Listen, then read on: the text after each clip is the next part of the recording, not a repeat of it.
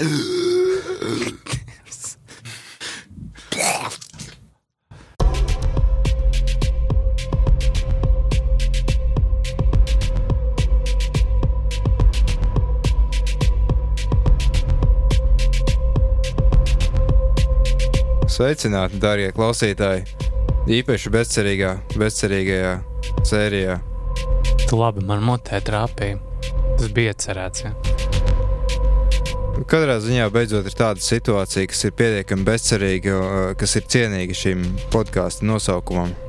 Kapitālismam ir beigas, tas vismaz ir mans viedoklis. Jums droši vien citādāks. Pastāvošai dzīves kārtībai man liekas, ka ir pienācis gals. Mums piemeklējas Hujova vīruss. Mums Jā. visiem ir Hujova.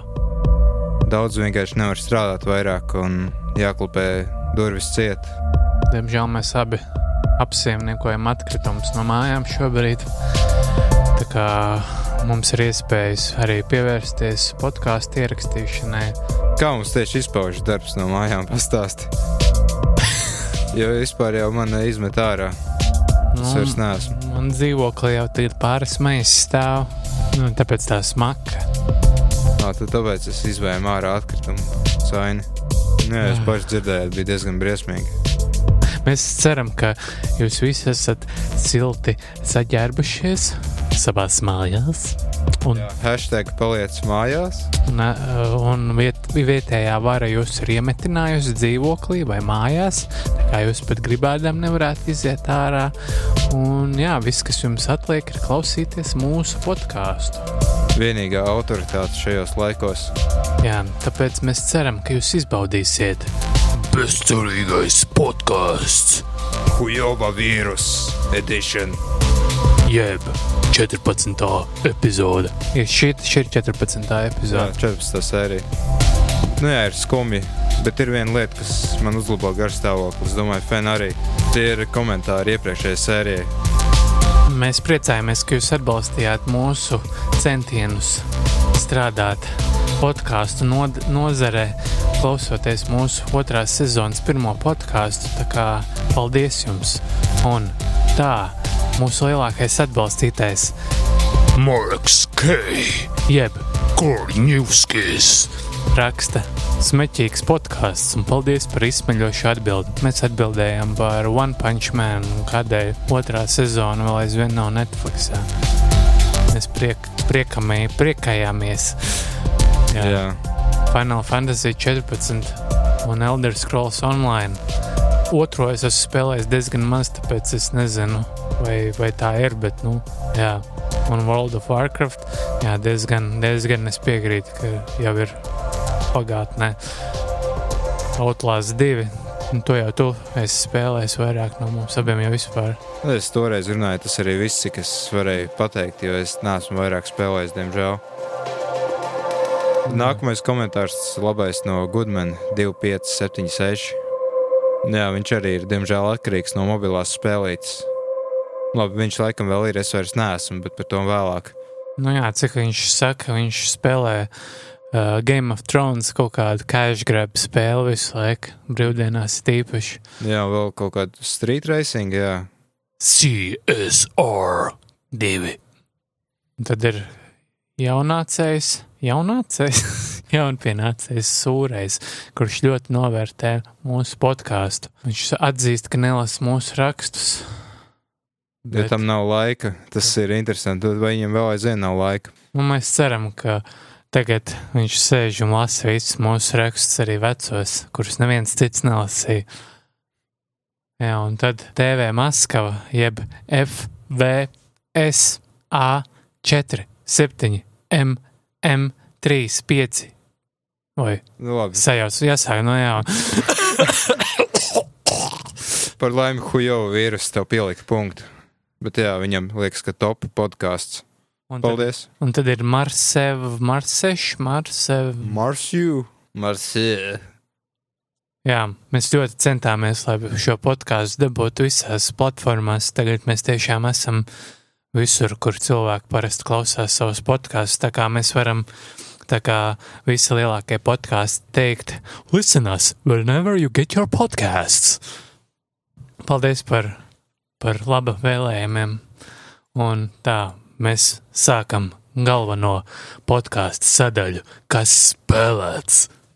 Un šoreiz mēs atkal sākam ar asfalta 9, bet ar nelielu piezīmi Caribbean update.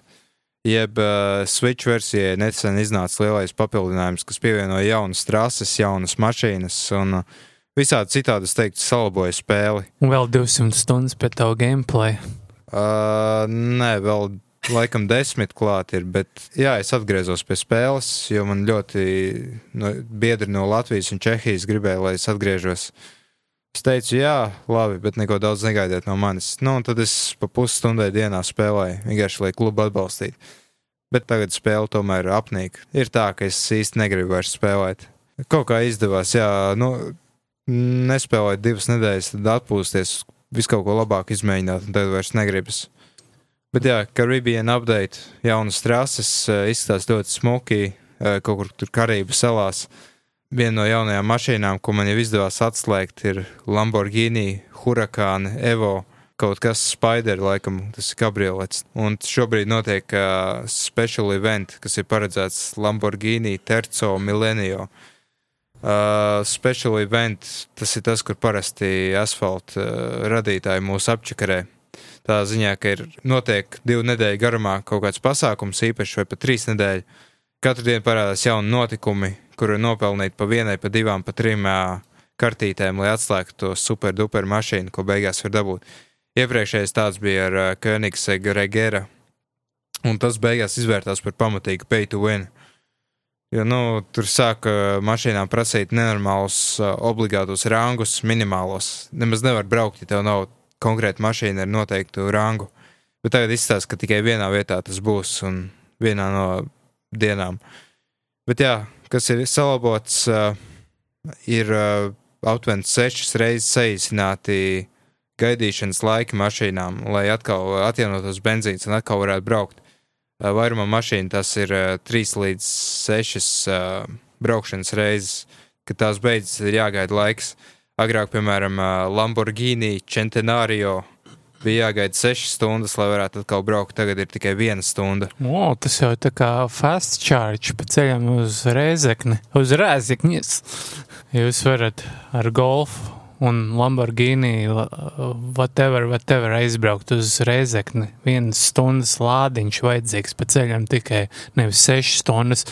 Es jau gribēju teikt, jā, ka tad sanāk, ka ātrāk ir uzlādēt elektromobili, ka dīzeļu, nē, bet benzīna motoru automašīnu šajā spēlē.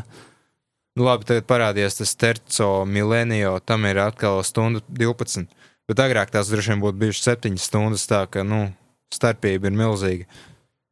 Nu, beidzot, spēle jūtas mazāk tā, it kā mēģināt visu pastāvīgi naudu izkrāpt no spēlētāja. Es gribēju jautāt, kā jūs komunicējat savā starpā? Discord Ā, jums pat ir Discord grupa. Jā, ja tas uh, klubs, kurā mēs esam, tas īstenībā ir baigi lielais klubs uz uh, Windows un Android. Un Switch ir daļa no tā, un tas viss jau bija gatavs, tikai vajadzēja pievienoties. Un tu gribi teikt, ka ir cilvēki, kas šo spēli arī spēlē uz saviem datoriem. Ja? Jā, Windows 10 uh, free to play. Jā. Ja tev ir uh, Windows Store, kas man, man liekas, uz visiem maniem Windows datoriem ir nogriezts, es pats to izdarīju. Katrā ziņā daudz mazāk pay to win sajūta ir Bet tas uh, atjauninājums ir tāds no Rumānijas puses diezgan uh, pusizcepts, jo ir vis kaut kādas sīkas problēmiņas, kas ir kaut kādā veidā tikušas palaistas garām. Laikam maksimāli ātri steidzoties izgrūst pa durvīm ārā. Bet nu labi, nekas traģisks. Vismaz spēle strādā. Bet jā, atkarīgs vairs neesmu. Es tagad uzspēlēju vienkārši savu biedru dēļ. Vai arī tā vismaz es pats sev saku. Runājot par citām lietām, nākamā spēle sarakstā ir Ori and the Blind Forest. Nejaukt ar The Will of the Wisps, kas ir jaunā, kas nesen iznāca. Tā ir Metroidvania par mazu radījumu kaut kur mežā. Meži ir pārņēmuši kaut kādi demonisku radījumi un tā tālāk. Galvenais ir skraidīt apkārt, pamazām tikt ar vien tālāk kartē atslēgt jaunas spējas, tad atgriezties punktos, kur jau es, jūs esat iepriekš bijuši, un tad uh, uh, no turienes progresēt tālāk. Uh, jāatzīst, spēlēja ļoti patīkams stils, audiovizuālais. Man prieks skatīties. uh, burvīga mūzika. Es izspēlēju Switch uh, demo versiju, aptuveni stundu. Tāds trial saucās. Uh, bija baigi forši. Un tad es uh, e-shop izpārdošanā, par ko mēs runājām pagājušajā reizē, nopirku par 14 eiro. Un no tā brīža spēle palika diezgan nežēlīgi grūta. Es jau biju gaidījis, biju dzirdējis, ka spēle būs cietsirdīga. To mazliet varēja just sākumā, bet nu, es negaidīju gluži tik traku. Kādā veidā tieši izpaužās šis grūtums? Ir platformu lēkāšanas daļas, tās ir ļoti sarežģītas. Tā ka tur ir gaisā jāspēj uztaisīt dubult lēciens, tad atspērties pret kaut ko, tad atspērties pret vēl vienu sienu un tā tālāk. Uh, uh, visu kaut kādu letālu, viena sitiena uh, nāvju gadījumi, teiksim tā. Spēlē ir interesanti tas, ka var saglabāties gandrīz jebkurā vietā. Uh, ir manuāla saglabāšanās sistēma. Jūs savācat uh, spe speciālu valūtu, kaut ko tādu uzpildāt, un to jūs varat izmantot vai nu uzbrukumiem, vai arī lai uztaisītu saglabāšanās punktu, kur arī var uh, uzlabot spējas visādas. Tas ir ļoti interesanti. Nu jā, arī pretinieki, ar ko jācīnās, ir diezgan nežēlīgi, bet tā cīņu sistēma ir tāda prasta. Es dzirdēju, ka turpinājumā Microsoft, kas ir interesanti, Microsoft spēles Switch, uh, tika cīņu sistēma krietni papildināta. Šai spēlē ir arī multiplayer vai viens spēlētāji tikai? Cik man zināms, nav tā ir viens spēlētājs spēle. Bet tu saproti, ka tu nepabeidzi šo daļu? Nē, es uh, nonācu līdz vienai vietai, kur uh, no apakšas ceļas ūdens uh, Gudman arī to pašu minēja. Mums tur bija neliela diskusija lapā. Uh, es nomiru aptuveni, nu, es nepārspīlēju vismaz 20 reizes. Uh, tajā pašā vietā viena kļūda un viss beidzies. Tev ir jāatsāk tas divas minūtes aptuveni garais posms vēlreiz. Un kas notiek, ja tu nomirsti šajā spēlē? Kā tu zaudē kaut ko vai? Nē, tu atsāc no pēdējā saglabāšanās punkta. Tā vai nu manuālā, vai atsevišķos gadījumos ir automātiski, bet tas ir diezgan rēti. Bet uh, tu zaudē kaut kādas tur kā saules spēlēs, vai nē? Nē, tu neko nezaudē. Viss mm. paliek tā kā bija tajā brīdī, kad saglabājies. Un tad tas tajā ziņā pat nav tā kā Mario, kur tu zaudē dzīvības. Tu vismaz vari atgriezties tajā. Jā, man, jā. man patīk uh, sistēma. Es saprotu, ka viņi aizvāc turpinājumā. Tas ir jā, patīkami, ka jebkurā brīdī var saglabāties. Un, uh, tas nozīmē, ka visas tās trial and error vietas, uh, Tātad vietas, kurām jāpiet, ir mēģinājuma un kļūdas metodi, tad tās visas daudz ciešamākas. Bet tu atgriezīsies pie šīs spēles, vai tu esi padevies? Es nezinu, tik daudz kā citu patiesībā, ko spēlēt. Un arī tik daudz citu, kā tikt cauri šajā sarakstā. Jā, man kaut kā tāda veida spēles vairs neuzrunā. Es nezinu, man patīk vecā tipa Castlevānijas, man patīk vecie Metroidi. Tā, nu, met, nu, tieši. Vienīgā metroid nav jau nekāda jauno īsti. Nu jā, vecās Game, Game Boy Advance spēles un Game Boy. Jā, man tās patīk, bet jā. Ā, tu nedomā Prime. Tu domā. Nu, Nu, jā, es nu, tieši side-scroller. Mm. Ja, runā, ja runājam par mūsdienu spēlēm, man kaut kā neuzrunājas. Es mēģināju spēlēt, spēlēt, man kaut kā, vai kā to spēlēt? Spēlēnki? Spēlēnki, jā. Ā, es arī esmu, jā. Man vienkārši neuzrunāja. Vienīgā, ko es no tām modernajām side-scrolling spēlēm bija tas, kā sauc to spēli, to Cave Story Plus vai kā. Mm. Jā, to es esmu pabeidzis, bet nu, tā vairāk bija tāda, tāda, tāda. Man liekas, ka Spēlēnki bija roguelike. Nu jā, jā, tas ir tā kā vairāk, jā. Bet tur arī tās platformas reizēm, ka tu vari no, nokrist un nomirt. Kā man personīgi jā, nepatīk šī tādas spēles. Varbūt tāpēc, ka izskatās pārāk nolaizīt un viss tāds, tāds kustīgs un krāsains un seksīgs. Man, man jā. Aizmirst pieminēt, bet tu jau to būtībā pateici, ka arī ir 2D uh, sidescrollers. Un uh, tur ir ļoti interesants daudzas mīklas. Ļoti atjautīgi, man liekas, izmanto vidi un visu pārējo. Bet, nu jā, tas, sarežģīti pārvietoties telpā. Bet tu atslēdz kaut kādas jaunas spējas? Jā, piemēram, iespēja uzlabot, uz, uh, iespēja uzlādēt ierocis, lai tiktu garām daudziem šķēršļiem. Tas ir tāds kā arī viens no tiem uh, metroid upgradeiem, bet tāds, ko tu atslēdz ar prasmju koku, nevis atradot pasaulē. Nē, es esmu dzirdējis arī ļoti labs atsauksmes par Celeste. Tā, tā arī esot diezgan pagrūta spēle tādiem lohiem kā mēs. Jā, diemžēl izliņiem. Vajag ļoti labu īkšķu koordināciju. Man kaut kā. Nē, nu, tas, ka, jā, ka man nepatīk tā, tā, bet man arī liekas, ja, man pasaka, ka būs izaicinoši, tad es labāk kaut ko braindead paspēlēju. Un tāda, tāda, kur nav jādomā vai jāizvairās. Nu, jā, tur ir tā lieta, kad es paspēlēju dēmā, man likās, ka kaut kas tāds arī būs. Tīri patīkams piedzīvojums, ko atpūsties, eh, ar ko atpūsties nedēļas nogalēs, bet nē. man tas pats bija ar šo uh, Shovel Knight. Mm. Es paspēlēju demo. O, oh, forši, un tagad nopirks nu, to treasure trove, sāk spēlēt, tur vienkārši brutāli ar to ar lāpstu, tur reizē vienkārši, ne, es nesaprotu, kā to, nu, nu, normāls cilvēks, manuprāt, šo spēli negribētu spēlēt pēc darba smaga, mm. vai arī tieši gribētu, bet, nu, ko, kas es esmu? O, oh, paldies, paldies! Es tieši gribēju, lai man trāpa mutē varēšu beidzot aiziet pie kaimiņienes, kur man jau riebjās savu troksni. Cik viņi ir riska grupā? Jā, 80. Jā, nu, es nezinu, vai 80, bet nu, kaut kur tajā galā viņi ir. Jā. Hmm. Ok. Runājot par uh, lietām, kas mums ir pazīstamas un baudāmas un komfortablas, Final Fantasy 14, kas jauns, cik tālu es teicu? Jā, Tā kā, kad pēdējo reizi es spēlēju, man liekas, es pat nebiju bāzes spēli izspēlējis. Tagad jau es esmu pie otra, no nu, otrā papildu, paplašinājuma, papildinājuma, nezinu, nav paplašinājuma vidū. Tā kā es cīnos, cīnos. Un jā, ar katru, katru nedēļu, ko es pavadu šajā spēlē, man ar vien grūtāk atrauties no tās, bet, nu, vienīgais, kas man spēja atraut, ir dzīve, īstā dzīve man ir jāiet uz darbu, vai pareizāk sakot, vairs nav jāiet uz darbu, bet nu, tāpat kaut kā laiks apādās.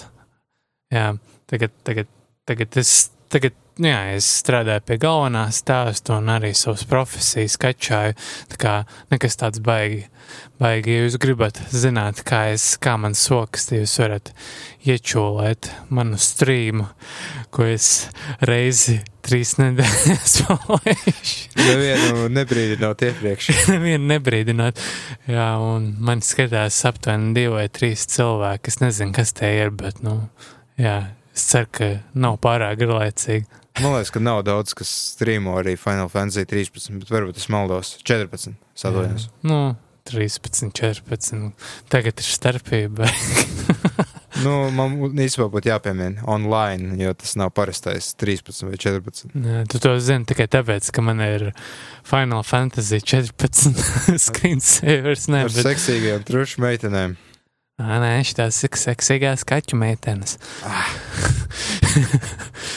jā, bet, nu jā, ja kāds no uh, klausītājiem spēlē tad esat laipni piebiedroties, laipni piebiedroties, laipni aicināt piebiedroties manā grindā uz ekscelenci. Vai tur arī ir kaut kādi komentāri, vai tikai spēlē? Un... Es tikai spēlēju. parasti es, jā, parasti es neko nesakot sēžu pie datora, man sieva nelaimīgi sēž un skatās katru vakaru, kā es pavadu savus dzīves minūtes un stundas nebūtībā. Bet tu, tu zini, ka tu esi atradzis īsto, ka tev nenosit ar pānu par šitādām izdarībām. Jā, man par laimi manai sievai nav iebildumu par to, ka es spēlēju spēles. Spēlītes spēlītas. Nu, viņa nav tāda, kurai katra lieta, ko es spēlēju, ir Nintendo vai Gameboy. Tā kā manai omai, par to jau es esmu pateicīgs. Tu izvēlējies starp savām spēlītēm, vai arī mani. Es eju ārā. Ah, nē, nedrīkst iet ārā ar komandantu stundu, man nošausies, staigāšu. Jā, pa mūsu rajonu te jau, te jau braukā amerikāņu hamveju visu laiku riņķīs, tik dzirdu kāpru ķēdes tālumā maitas, nu, kad šis viss beigsies, kur, kurš, kurš remontēs ielas? Kurš? Amerikāņi vai? Jā, es visu laiku dzirdu, kā turbīnas svilpo viņu milzīgiem dīzeļiem. Jā, te, te pilnīgi melns ir mans, mans paziņa no, blakus dzīvokļa izgāju un atnāca pilnīgi melns no Maksims. Nu, Mūsu geto jau viens maisiņš kartupeļu uz ģimeni mēnesī. Tas ir viss, ko mēs tagad dabonam, dabūjam, dabonam, Saņemam. saņemam.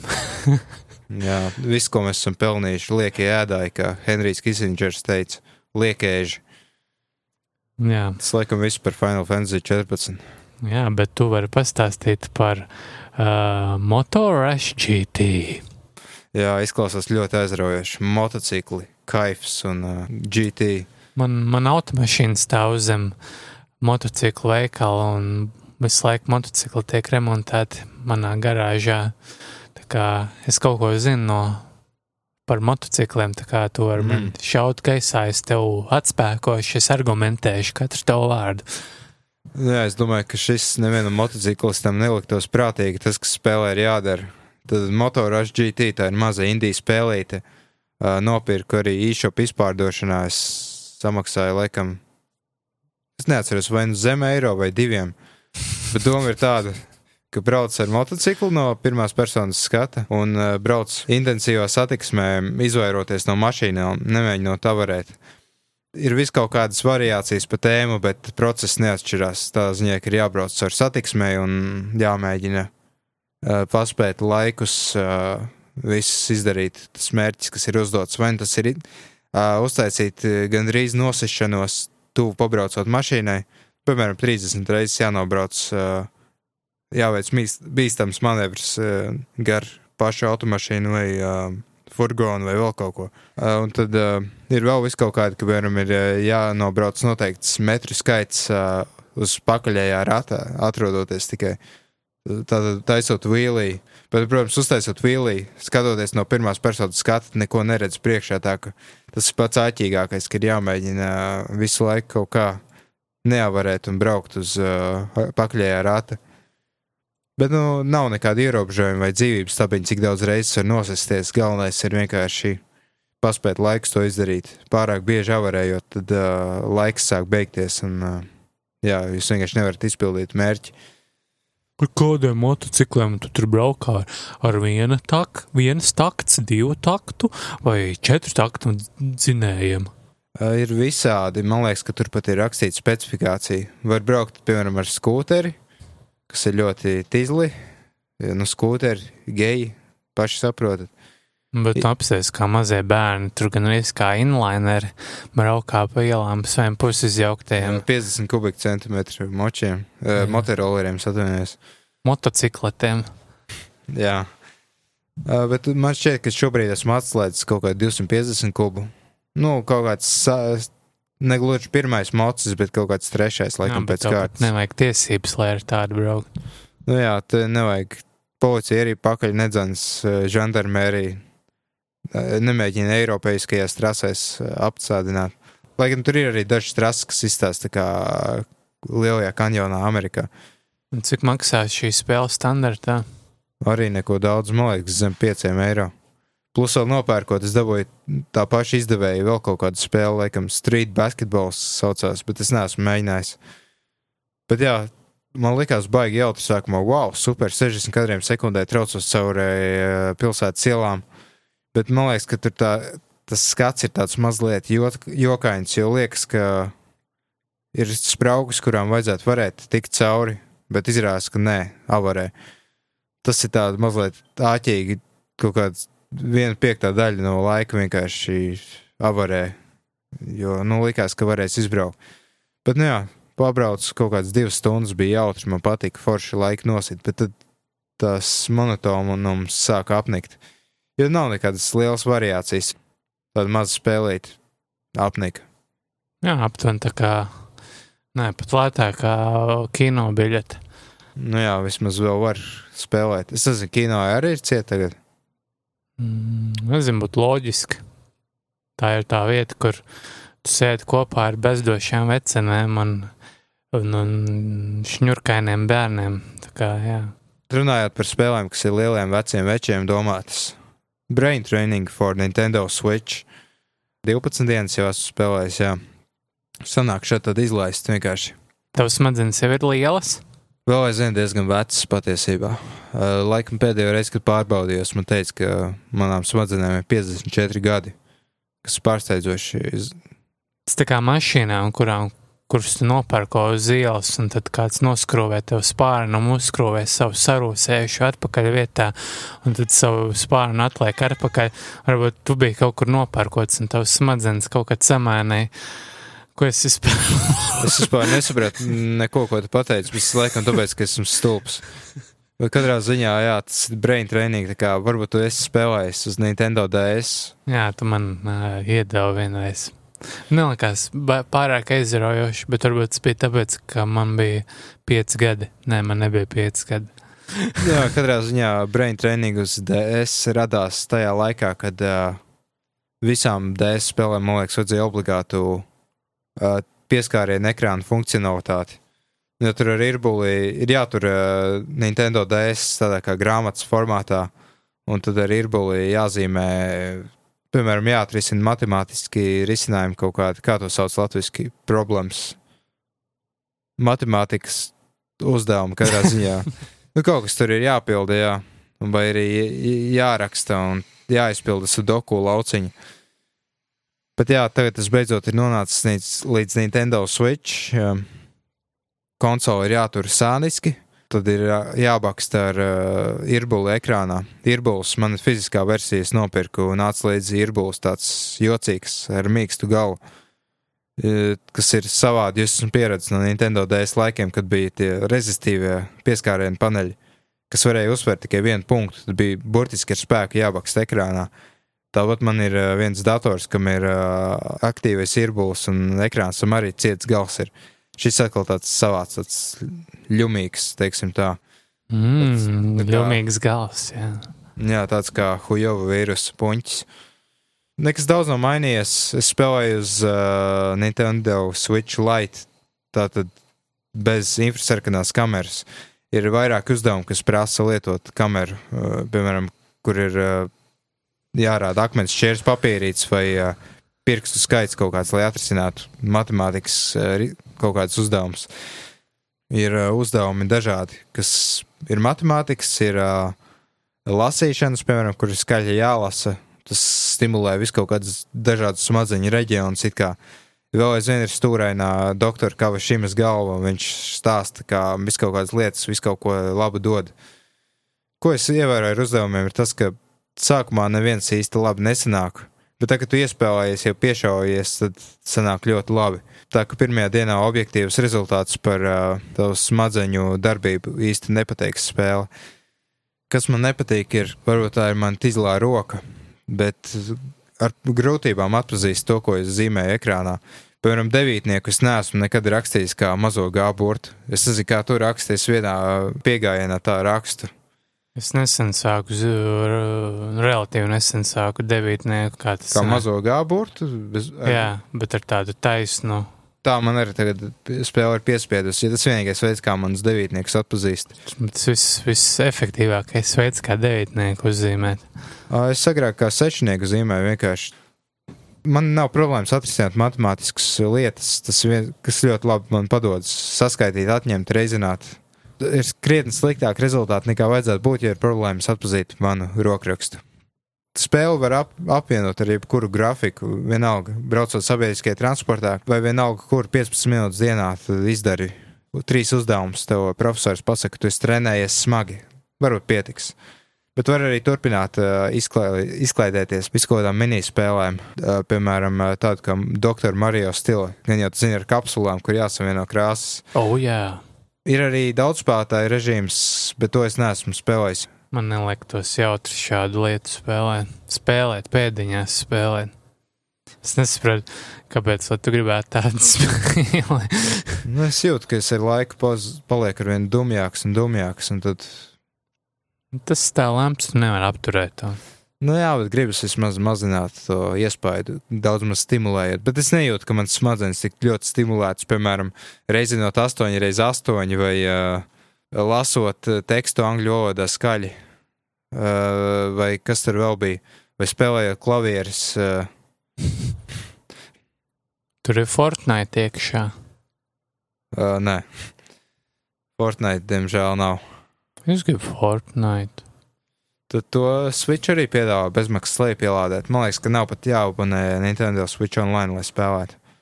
Jē, Bet es domāju, ka kaut kāda iespēja būs, kuras sakopotāk savas domas iz- izklāstīšu. Jo pagaidām man uh, hujo vīrus ir aizķēpājis ciet galvu un īsti labi nestrādā. tur pausiem jau nāk ārā. Jā, gļotas. Nākamā spēle gan nav tik jauna. Cik gadi te ir Final Fantasy 12? Šis gan laikam bez online vai arī online. Nē, šis ir bez online. Pagaid, ja nemaldos, tā spēle ir 15 gadi šobrīd, bet tā tagad ir pieejama tāpat kā gan arī visa Final Fantasy spēļu kolekcija uz visām platformām. Ā, tad tas ir remastered vai ne? Ja tas ir remastered. Mm. Es Jā. domāju, kur tu Playstation 2 nopircis. Nē, nē, nē. Es jau pirms kāda laika nopirku, bet visu laiku tā spēle stāvēja tā kā backlogā. Man bija visu laiku labākas lietas, ko darīt. Tagad es beidzot piesūcoju šai spēlē, tā kā konkrētāk. Tagad es sāku spēlēt, un tā ir tieši tā pati spēle, kuras spēlēju pirms desmit gadiem uz tavu Playstation 2. Un kā ir eh, ar šo JRPG, vai ir tik labi, cik atceries, vai Jā, jā, šī spēle ir tieši tāda, tik laba, kā es atceros. Varbūt tāpēc, ka tas bija diezgan relatīvi nesen, nu, pirms desmit gadiem, kad es to pēdējo spēlēju. Uh, es nezinu, kādā izšķirtspējā tā strādā. Nu, negribu samalot, bet nu, izskatās noteikti pēc vismaz, vismaz pēc Full HD. Tā kā bez upscale ir arī depth of field uzlabojumi, ir tekstūra uzlabojumi, beidzot var redzēt ķiņķēziņus pilnā izšķirtspējā, un tur redzēt, ka viņu tekstūras ir nevis tāda klučaina, klučainas plēksnes, kas ir uzlīmēts virsū uz kaut kādiem poligoniem, bet tie ir okami, tā kā ar otru, tā kā uzzīmēts, tā kā, nu, mm. tur iedomāties, nezinu, tā kā neselšēdots uh, links no Windwaker, le, jā, labi, sūdīga analoģija.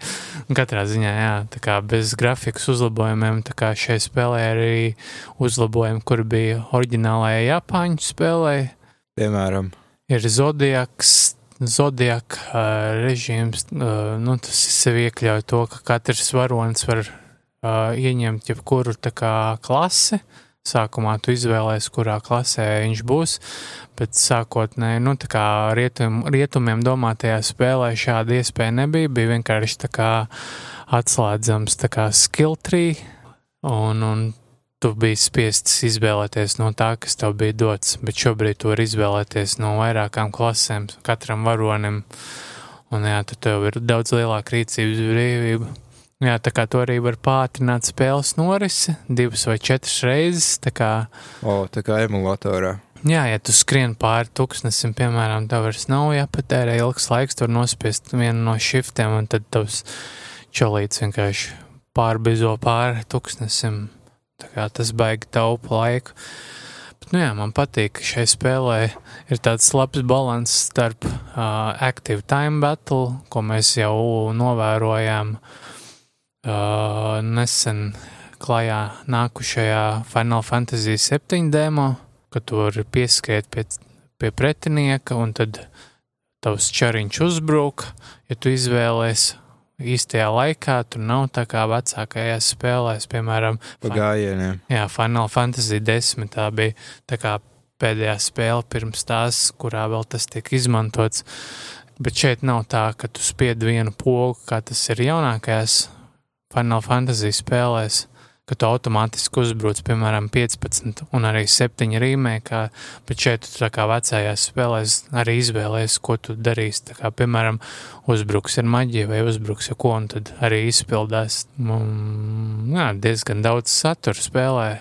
Nu, daudziem spēlētājiem šī ir vismazāk mīļā Final Fantasy spēle, bet es teiktu, ka man vismazāk mīļā ir Final Fantasy 10. Šī ir diezgan ok spēle. Nu, varbūt tas ir mans bērnības nostalģija, kas runā, bet man ļoti patīk šī spēle, kā to var jau noiest. Nu, jā, bet, Var dzirdēt pēc balss. Jā, bet arī šis re remake, ne, bet remasters nav pārāk sveiks. Jau trešais gads rīt, kopš tā rotā mūsu mūsu saulī.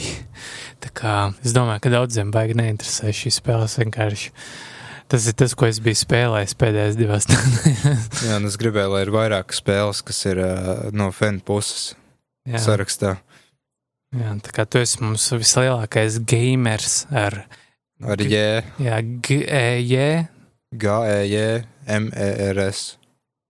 gamer Jā, tā, tā latviski, latvisko. For the gays. Palielam, jā, tas ir viss, ko es gribēju, ko es varēju, ko es varu šobrīd pateikt. Es neesmu pārāk tālu ticis. Tā kā jā, Runājot par spēlēm, kur nemaz pārāk tālu nevar tikt, kamēr pirms nosities. Uh, TT All of Man, Race on the Edge. Kas ir uh, moto, all of man. kārtējā motobraukšanas spēle. Tā man jau kaut kāda laikam tendence ir, kas visu laiku motospēlēm runāja. Laikam man pašam arī gribas īsti moci un nosisties. Bet jā, tas tā pārsteidzoši pārlēc no kaut kāda uh, Road Redemption uh, un uh, Motorush GT, kas ir tīrākās arkādas spēles uz uh, motobraukšanas simulāciju. Un jāsaka, baigais skaifs. Beidzot kaut kas svaigs. Man liekas daudz interesantāk par visu kaut kādiem Resident Evil 3 un vēl kaut ko. Droši vien tāpēc, ka es īpaši neesmu spēlējis motobraukšanas spēles, eh, kas ir tieši simulācijas. Kā jau nosaukums pasaka priekšā, tad tas ir veltīts uh, pasākumam, uh, kas notiek uz, es nezinu, kā latviešu to salu sauc, bet Isle of Man. Mēnesis sala. Nu jā, Mēnesis sala. Un uh, jā, tur katru gadu notiek milzīgs motobraukšanas pasākums, kas ir, diemžēl, atcelts šogad. Un tas ir uh, īpaši slavens ar to, ka tas, tas, pat- tas nenotiek tā kā MotoGP uz uh, īstām uh, Formula 1 vai vēl kaut kādām trasēm. Tas notiek uz šaurām divu joslu ieliņām un ceļiem. Un iedomājieties, jūs traucaties ar motociklu ar 290 km/h. Un uh, katra kļūda jums sanes motociklis, jūs nositāties. Tev arī sagrābēja vienas vietas, tā, kad tu ietriecies barģūrā vai traucies cauri kaut kurienē. Uh, nē, nu, tur droši vien vajadzētu vēra brilles, tad gan būtu tā sajūta. Pirmkārt, tas, ka simulācija, viss fizika, viss jārēķinās, ka nedrīkst ar pakaļējo bremzi pārspīlēt. Uh, citādi sanes un nomaucies. Jebkura kļūdiņa uzbrauc uz ietves, viss sanes un nomaucies. Tu esi braucis ar īstu motocikletu kādreiz, Diemžēl nē, kad, es gribētu. kad tu iegādāsies savu pirmo Harley Davidsonu. Nē, es būtu priecīgs, ka kaut kādi 125 kubu kaut vai. Bet, nu, tā kā viss kapitālisms ir beidzies, vienīgā cerība, ka es varu samainīt savus sudraba monētas pret kaut kādu vecu moci, kādu Honda Rebel. Vai arī tu vari kļūt par uh, uh, vietvaras sarkano komisāru un tā kā atņemt kādam no saviem pakļautajiem mm. vargiem, ne, bet iedzīvotājiem. Jā, es nezinu, vai mums tas ir pieņemts, bet kaut kur Amerikā dažos štatos ir tas, ka policija var vienkārši konfiscēt mantu tev mm, bez jebkāda iemesla. Hmm, varbūt man arī jāstrādā, jābūt činavniekam. Bet nav, nav tik slikti kā Ķīnā, kur motocikls vienkārši uh, konfiscē uz neatdošanu, tāpēc, ka viņam nepatīk motocikli. Interesanti. Nihau lauai! Jā, brauc ar moci, kaut vai ar 600 kubikcentimetru. Es izvēlos Yamaha uh, R6, tāpēc, tas ir vienīgais, laikam, no tiem, ko visiem, ko es zinu. Jā, 600 kubikcentimetrus mīkstiem. jā bet, kad tas traucies pa 5, ne 4 metrus platu ceļu ar 290 km/h, apgrieziena ierobežotājs jau tur slēdzas iekšā sastajā ātrumā, tu vairs tālāk nevari. Un tad tu par uh, maz sabremzējies un ieskrien sienā. Jā, Bet uh, par laimi spēlē ir vis kaut kādi asistenti. Uh, ir uh, braukšanas līnija, kas man ļoti palīdz kā tīzlinim. Jo ar motociklu mazliet citādāk, tomēr šaurāks, tu vari mazliet platāk kaut kādas lietas paņemt, kaut kur mazliet vairāk izpausties līkumos. Un es braucu ar ieslēgtu braukšanas līniju un ar kombinētām bremzēm. Ja es spēlēju switch atkal arī šo te, uh, ir tā, ka akcelerators bremzē aizmugurējā man ir ar labo sviru. Tas nozīmē, ka es varu ar, ar analogo vismaz kaut cik analogu kontroli iegūt pār abām lietām. Es sapratu, jā, ka es neko nesaprotu no bremzēšanas, kad ir jābremzē ar priekšējo, kad ir aizmugurējo bremzi, un es vienkārši uzliku, lai ir kombinēti. Kur tā tie asistenti sēž, ja tu brauc ar viņiem kopā? Kaut kur uh, blakus vāģī. Ah, blakus vāģi tur arī ir, bet ar tiem es pilnīgi nesaprotu. blakus vāģi tas ir, kad es pirmo reizi redzēju, kā mans uh, blakus sēdētājs izlido pa taisno ārā. Kad es daudz sabremzējos līkumā, jā, tad es sapratu, ka es negribu braukt ar blakus vāģiem. Bet tas ir tas, ir tas kur pa kalniem, nu tur, kur tā kā, zini, ka Mm. Latvijā bija baigi populāri kādreiz, ka tur brauc ar tiem blakus Jā, vāģiem. padomju laikos. Tad atšķiras viss tā, ka tu brauc it kā ar moci, bet tev arī blakus sēž viens un ar uh, labo analogu tu kontrolē viņa svaru, kā, un tas tev palīdz līkumus paņemt, bet, nu, tas manām mazajām smadzenēm tas ir mazliet par uh, sarežģītu. Es pagaidām to nenodarbošos. Tā ir uh, spēle no izstrādātājiem, kas radīja WRC, kas radīja jaunāko vīru rallija. Tā ka viņi kaut ko saprot no simulācijas spēlēm, bet, nu, cik es saprotu no uh, motobraukšanas spēļu pazinējiem, tā nav augstākā klase fizikas ziņā. Jo es atzīšu, ka fizika ir mazliet jocīga. Reizes, kad es vienkārši nesaprotu, kāda vēlna pēc man pēkšņi mocis vardarbīgi uztaisīja sānslīdi, un es nokritu nost. Mazākais kalniņš vēl kaut kas, ja nebrauc pilnīgi taisni pāri, tad viss. Tad var aizmirst par uh, labu apļu laiku. Es pārsvarā spēlēju time attack, jo man nepatīk ar pārējiem motociklistiem kopā. Tur arī tu viņiem ne tā pieskaries, tu jau aizlido kaut kur. Ir karjeras režīms, saņem e-pastus ar uzaicinājumiem uz pasākumiem, bet no atšķirībā no rallija nav sadalīts kaut kādās sezonās un uh, kausos un tā tālāk. Tur vienkārši ir dažādas nejaušas trases. Uh, Pats lielākais, es vēl neesmu uzdrošinājies to braukt, bet ir iekļauta pilnā 60 km garā trase, kas ir tai Menes salai apkārt iet visu. Labs apļu laiks laikam ir zem 20 minūtēm, kad tev izdodas izbraukt. Droši vien ar litrīgo moci 20 minūtes, cik tur tas aplis ir, cik kilometrs? 60. Wow, Tas viss ir iekļauts spēlē. uz Switch. Jā, arī uz Switch. Nu, spēle ir pār 10 gi- gigabaitiem, kaut arī tur nekā daudz nav. Ir arī dažas oriģinālās trases iekļautas, unikālās. Ar tām es pārsvarā trenējos, pamazām uz, uzlabot savus motobraucēju prasmes. Bet jā, ir ar pilnā. Jā, Nu, un ir, spēlē ir iznācis tagad turpinājums, un uh, Eurogame ir jau paspēja to nosaukt par labāko uh, motobraukšanas simulāciju. Gan jau, ka varētu arī paprasīt apskatu kodu, bet nu, es nejūtos uh, tik gudrs, lai es varētu apskatīt. Es domāju, pirms es pie tās spēles pieķeršos otrās, es droši vien vēl izmēģināšu Raida 2 un Raida 3 varbūt, ja sanāks, kas tiek uzskatīts, man liekas, par labākajām motobraukšanas spēlēm. MotoGP kaut kad es biju mēģinājis, tad es neko nesapratu tajā brīdī, kad man lika izmantot priekšējo un aizmugurējo bremzi. Tur, kā jau teicu, neko nerūpēju. Jā, tā kaut kā pilnīgi nesakarīgi, bet es turpināšu spēlēt, jo ir baigais kaifs. Ātrums sajūta tiešām laba no ķiveres skata. Ļoti labi ir īstenot uh, vēja skaņa, kas iet gar to ķiveri, tiešām laba ātruma sajūta.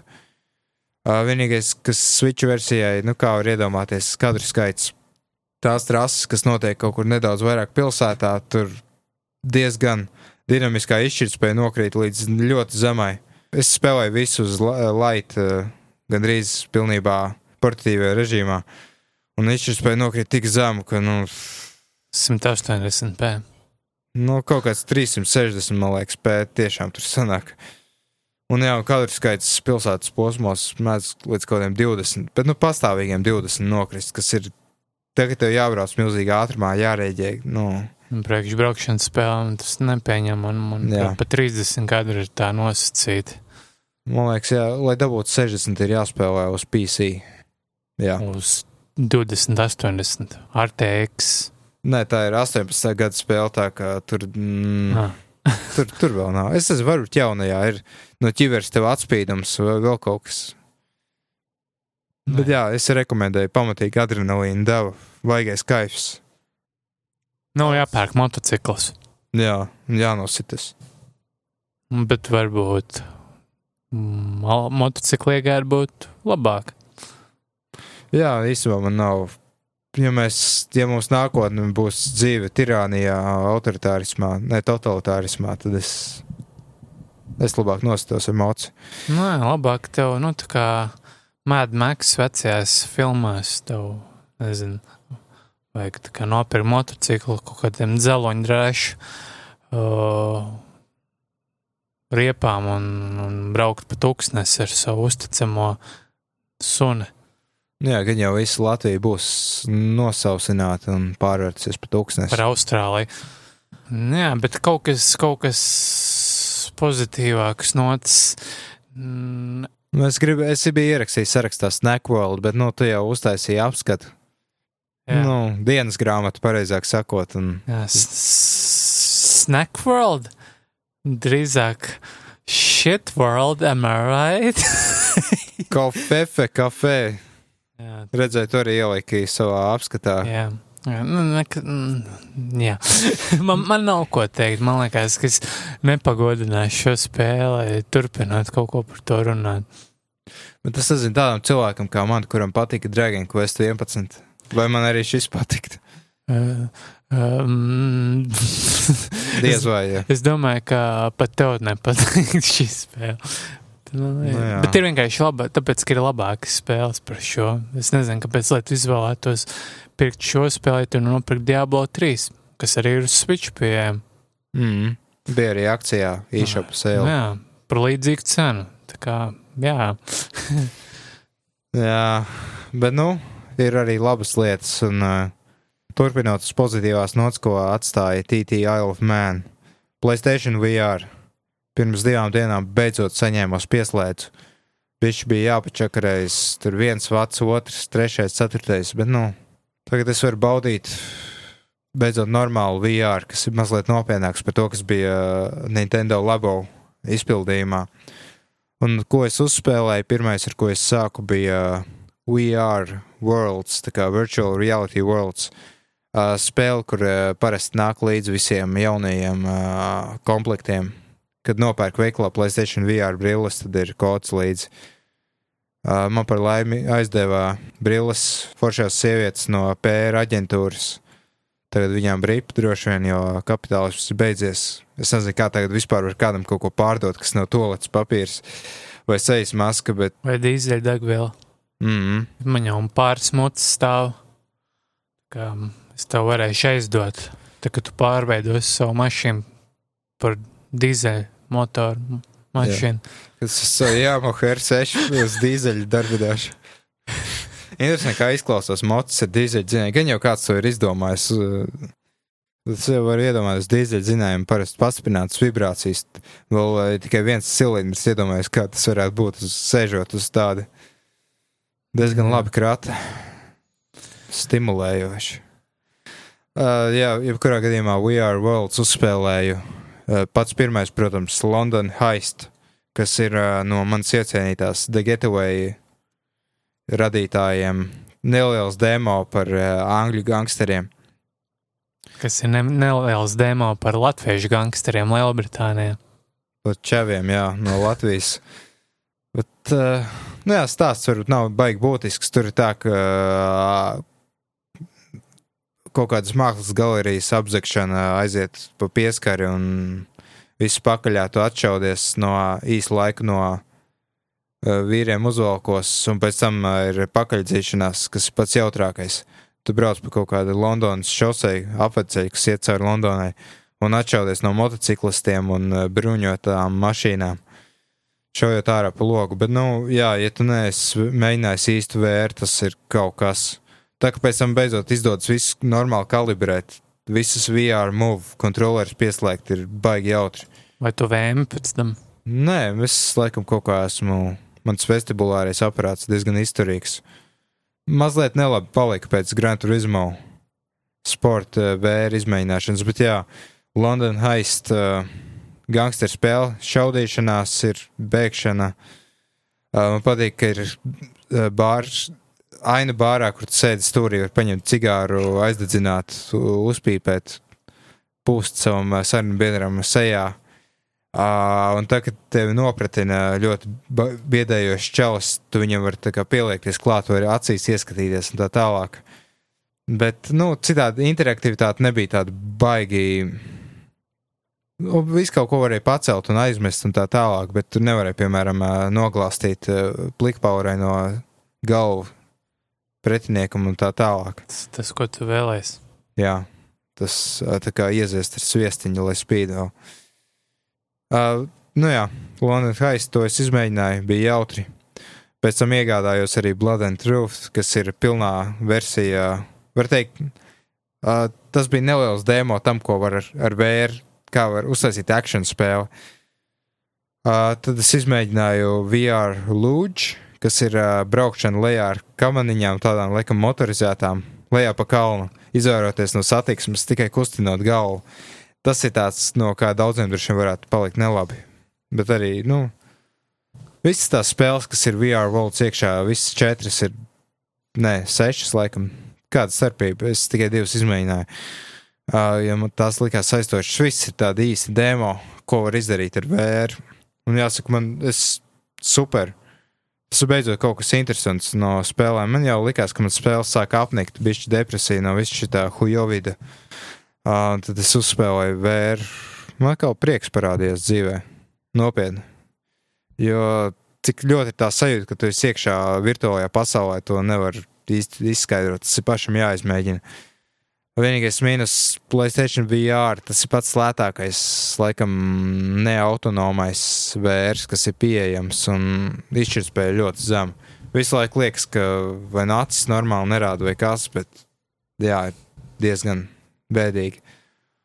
Un tad es izvilku no skāpja savu pirātisko Playstation 4, beidzot atkal notīrīju putekļus. Bija dzirdējis, ka ar to vēru nedarbojas, bet man izdevās piedabūt un viss kārtībā bija. Uh, jā, tad es uzspēlēju Job Simulator. Varbūt es dzirdēju, kaut kādi YouTuber, streameri pirms pieciem gadiem, laikam ar šo bija visi aizraujušies. Bet tas ir tā kā notiek nākotnē, un tu esi kā cilvēku lomā, un tev roboti stāsta, kāds varētu būt bijis cilvēka darbs. Piemēram, tu sēdi birojā, kas pats pirmais iesprāda kārtridžu, uh, paroja kloķi, un tad tu nonāc uh, birojā savā tajā kvadrātiņā. Un tur tev robots liek darīt paņem savu darbu uzdevumu, uh, kas ir piemēram, pirmais uzdevums ir cilvēks sāk savu dienu ar ļoti atkarību izraisošu dzērienu un ar cukuru devu pamatīgi. Tad ielai savu kafiju, izdzer gluk, gluk, gluk.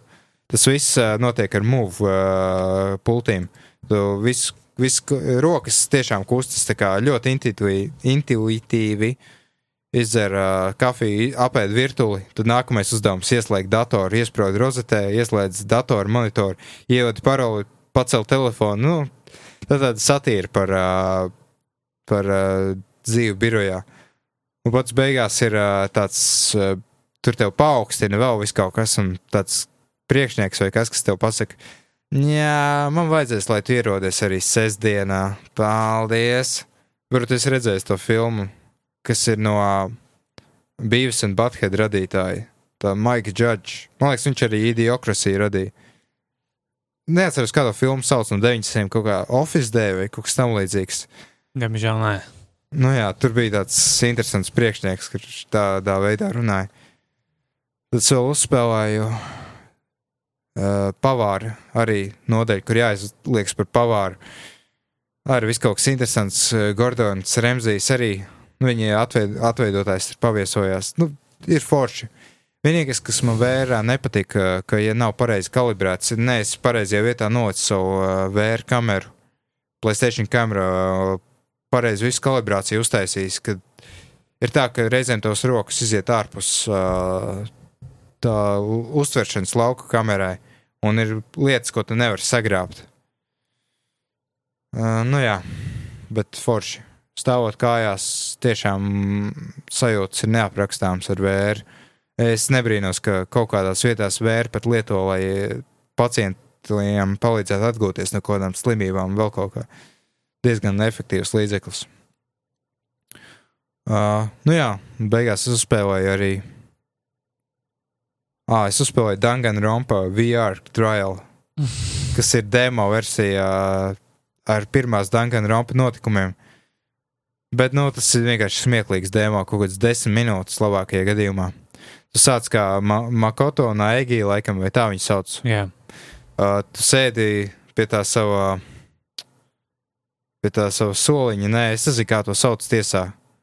Tu sēdi pie sava tur tā podesta. Solējām. Jā, Jā, tur riņķī viss ir tie, un kurš tad ir nogalinājis tur to meiteni ar melniem matiem, vai kas tur bija? who done it? Jep, jep, jep. Don't let the bedbugs bite. Jā, super. Monokuma diezgan. Bet jā, tur visu redz no viņa acīm. Tu vari tur paliekties, pasties cilvēkiem. Tur bija tā sportisti ar lielajām krūtīm. Man likās uzjautinoši pastīties uz viņu un pastīties tur zemāk. Bet brīvajā kārtā nekādas reakcijas nebija. Es biju mazliet vilēs, es biju domājis, ka iepļaukās vai ko. Bet jā, demo smieklīgs. Tur eh, tā kā skan tie argumenti, un tev parādās teksts aizdomīgais, tas tev jāsačauj. Nu, tā kā Danganronpa. Jā, Bet tikai viens tāds fragments, vienu tu sašauji. Ar to arī demo beidzās, ka tev monokuma aizsūta uz Eli, un tur ir tas tā nāves aina. Es neatceros, kuram tas bija, ka tev vienkārši saprasē. Bet jā, baigi stilīgi izties. Tu sēdi tajā piesiets vai kaut kā, nezinu, konvejers ripos priekš, un tur tā presa tev beigās. Žēl, ka to neattīstīja kā pilno spēli. Diemžēl. Ko es vēl uzspēlēju? Rick and Morty Virtual Reality. Es pilnīgi neko nesapratu, es izslēdzu. Es uh, uzspēlēju beidzot Blood and Truth. Es domāju, ka tā spēle man ir jāapskata. Tas ir kaut kas arī tāpat no Londonas studio, no The Getaway radītājiem, tie, kas uztaisīja to London Heist, bet daudz uh, izstrādātāk. Uh, tas, ka tur ir jau pārvietošanās, jo kā vēra pasaulē notiek pārvietošanās, tu nestaigā, jo tad tiešām apvemtos, ja tu ar analogos sviru staigāt apkārt. Bet tu kā parādi, kur tev jāiet, ir un tā kā kaut kādā teltēlu spēlē bez mazliet. Nu, kaut kā tā. Jā, tas ir daudz attīstītāks, jau ir nopietnāk šaudīšanās vēl kaut ko. Atkal, ja tu neesi pareizi nokalibrējis visu to vērtu, tad ir pakaļā, bet ja viss strādā lieliski, tad ir super. Bija dažas tehniskās problēmas, ka kreiso mūvu uh, pārtrauc uztvert. Nezinu, kas tas bija. Bet jā, kaut kāds apskats man jāuztaisa, jo tas ir forši. Jā, un Gran Turismo sporta izmēģināju. Tas īstenībā bija pirmais, ko es ieslēdzu, jo es zināju, ka tur ir VR režīms. Un tā man bija ieinstalēta uz uh, PlayStation 4. Un forši. Mašīnai salonā sēdi vadītāja vietā un uh, brauc. Un tu vari skatīties apkārt salonā, skatīties apkārt, visi spoguļi ir funkcionāli. Bet, nu, sacīks, tas ir tā kā bonus režīms. Tu vari sacensties tikai ar vienu pretinieku. Tas arī viss karjeru nevar pildīt no vēra, diemžēl. jā, es gan tādu sūdu nepērku nekad. Labi, ka tu nenopērki. Jā, es nezinu, cik šī pandēmija ilgi turpināsies. Es domāju, ka vairākus mēnešus pie manis strāvēs tās brilles. Tad man bija būs paspējis noriepties. Jā.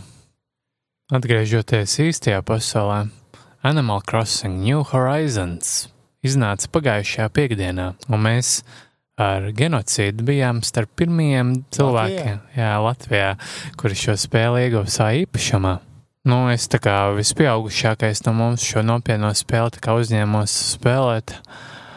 Jā, es teikšu, ka būdams spēlējis visas Animal Crossing spēles, kādas ir rietumos pieejamas, um, var kvalificēti apgalvot, ka šī ir vislabākā spēle Animal Crossing sērijā. Šajā spēlē lielākā atšķirība ir tāda, ka spēlētājs netiek iemests jau gatavā pilsētā, kā tas ir bijis līdz šim visās spēlēs, ka ir jau mērs vai nedod Dievs tevi ieceļ Mortimers par mēru, nu, savu aizstājai, kamēr viņš ir, nezinu, nomiris. Man liekas, mums bija jā, jāpakaļ solīt atpakaļ. Kas īsti ir Animal Crossing? Ah, jā, pareizi. Saprotu, laikam, ka, ka lielākā daļa mūsu klausītāju pirmo reizi par tādu spēli dzird no mums. Bet, nu, jā, Animal Crossing ir kā dzīves simulators. Nu, tā kā vistuvākais tā kā analogs būtu The Sims. Bet, nu, Bet tu pats vadīji savu varoni. Jā, tev ir tikai viens varonis, un, un, un atšķirībā no The Sims, tu nevari kontrolēt tikai savu mājokli, tu vari kontrolēt visu, kas tev apkārt notiek. Šajā gadījumā visu salu. Šī sala nav sala, bet īstenībā tā ir muca, kas ap, nu, nu sala ir aptīta ap mucu. tā kā tu kusties vairāk vai mazāk uh, horizontālā, vertikālā plaknē, bet tavs skats ir izometrijā no viena leņķa konstants. Tas atgādina kā tas liekšanās efekts, kas ir planētai, bet stipri izteiktāks. Nu jā, ja tu tā kā skrietu pa baļķi, nu, nu tā kā ripināt baļķi, skrienot pa to, tas būtu kā efekts. Mm. Nu jā, tu, tu tur sāc ar to, ka tev iemet ciematā, tev ir tev pirmā māja, un ir tāds, tāds jēnots. Toms Nukskaram tev jāatmaksā parāds ir. Jā. Un par tā, biļetēm arī jāatlīdzina. Nu jā, šajā spēlē arī tas pats, ka tev pirmā māja ir sākumā, lai tu varētu uzlabot to, nu, palielināt, respektīvi ir jāsamaksā diezgan liela hipotēka. Tad, kad tu samaksā hipotēku, tad tu vari palielināt, bet atkal tu uzņemies jaunas parāda saistības. Un arī šeit ir tas, ka doma tāda, ka spēlētājs šoreiz dodas ceļojumā uz tropisku salu. Nu jā. Nu, tad tev var par biļetēm beigās jāatmaksā. Nu jā, bet šis vismaz atšķirībā no citām iepriekšējām spēlēm tev ir iespēja par tām biļetēm norēķināties ar uh, jaunievestu naudas vienību kā miles kurus tu vari sakrāt vienkārši darot dažādas lietas uz salas, piemēram, cirst koku, vai makšķerēt zivis, vai taisīt kaut kādus struntus. Tad tā kā lojalitātes punkti avio kompānijā. Nu jā, man, man arī visu laiku ir Air Baltica mails, tā kā galvā, nu jā, tā kā tu savāc un tu samaksā par savu biļetu, un tad sākās tā kā pirmie īstie uzdevumi tikai pēc norēķināšanās par biļetēm sākās spēle praktiski sākās uz tukšas salas. Tu vari uh, izvēlēties, kur atradīsies pirmās sēkas, ja pareizāk sakot, teltis. Jo, ja iepriekšējā spēlēs tevi iemeta jau gatavā mājā, tad šeit viss sākās ar telts vietas iz, izvēli. Tu izvēlējies telti, tad tu vari Tomam Nūkam uh, atmaksā par biļeti, tad ir iespēja to telti pārvērst par īstu māju, un tu vari iekārtot to māju, un jā, tu vari iz, izmainīt savu salu apkārt, nocirst kokus. Jā, var uh, ietekmēt vidi šoreiz arī. Jā, tā kā šeit praktiski jā, viss sākās no nulles, tu taisi tiltus pāri upēm, un, un, un jaunajiem uh, iemītniekiem sagatavo jaunās mājas, un tam, tur Toms Nūks piesaist cilvēkus, ne, bet dzīvniekus. Nu jā, spēles tā kā galvenā iezīme ir tā, ka tu esi vienīgais cilvēks starp dzīvniekiem. Tā kā visi salas iemītnieki ir dzīvnieki. Suņi, kaķi, peles. Nu, jēnoti. Jēnoti. Nu, praktiski. Man liekas, ka tur pāri visām sērijas spēlēm ir bijuši praktiski visi iedomājamie dzīvnieki. Ja kudīgi, ja tā padomā, es neesmu zivs redzējis. Zīves tu tikai makšķerē. Jā, zīves tu tikai makšķerē. Es no tevis sapratu, ka es neesmu pats spēlējis, tikai paskatījies, kā citi spēlē. Tagad sapratu, ka tagad lūst priekšmeti. Jā, lūst priekšmeti, ja iepriekš tos priekšmetus varēja iegādāties par diezgan lielu summu, tad tagad tu tos vari ne tikai iegādāties, bet izveidot pats, bet tā acis ir tajā, ka pēc kaut kāda noteikta skaita lietošanas reizes, reizēm uh, visi instrumenti salūst, ieskaitot uh, tīklus, uh, makšķeres, lāpes, cirvis un tā tālāk. Bet, jā. Vai ir iespējams uzlabot uh, izturību?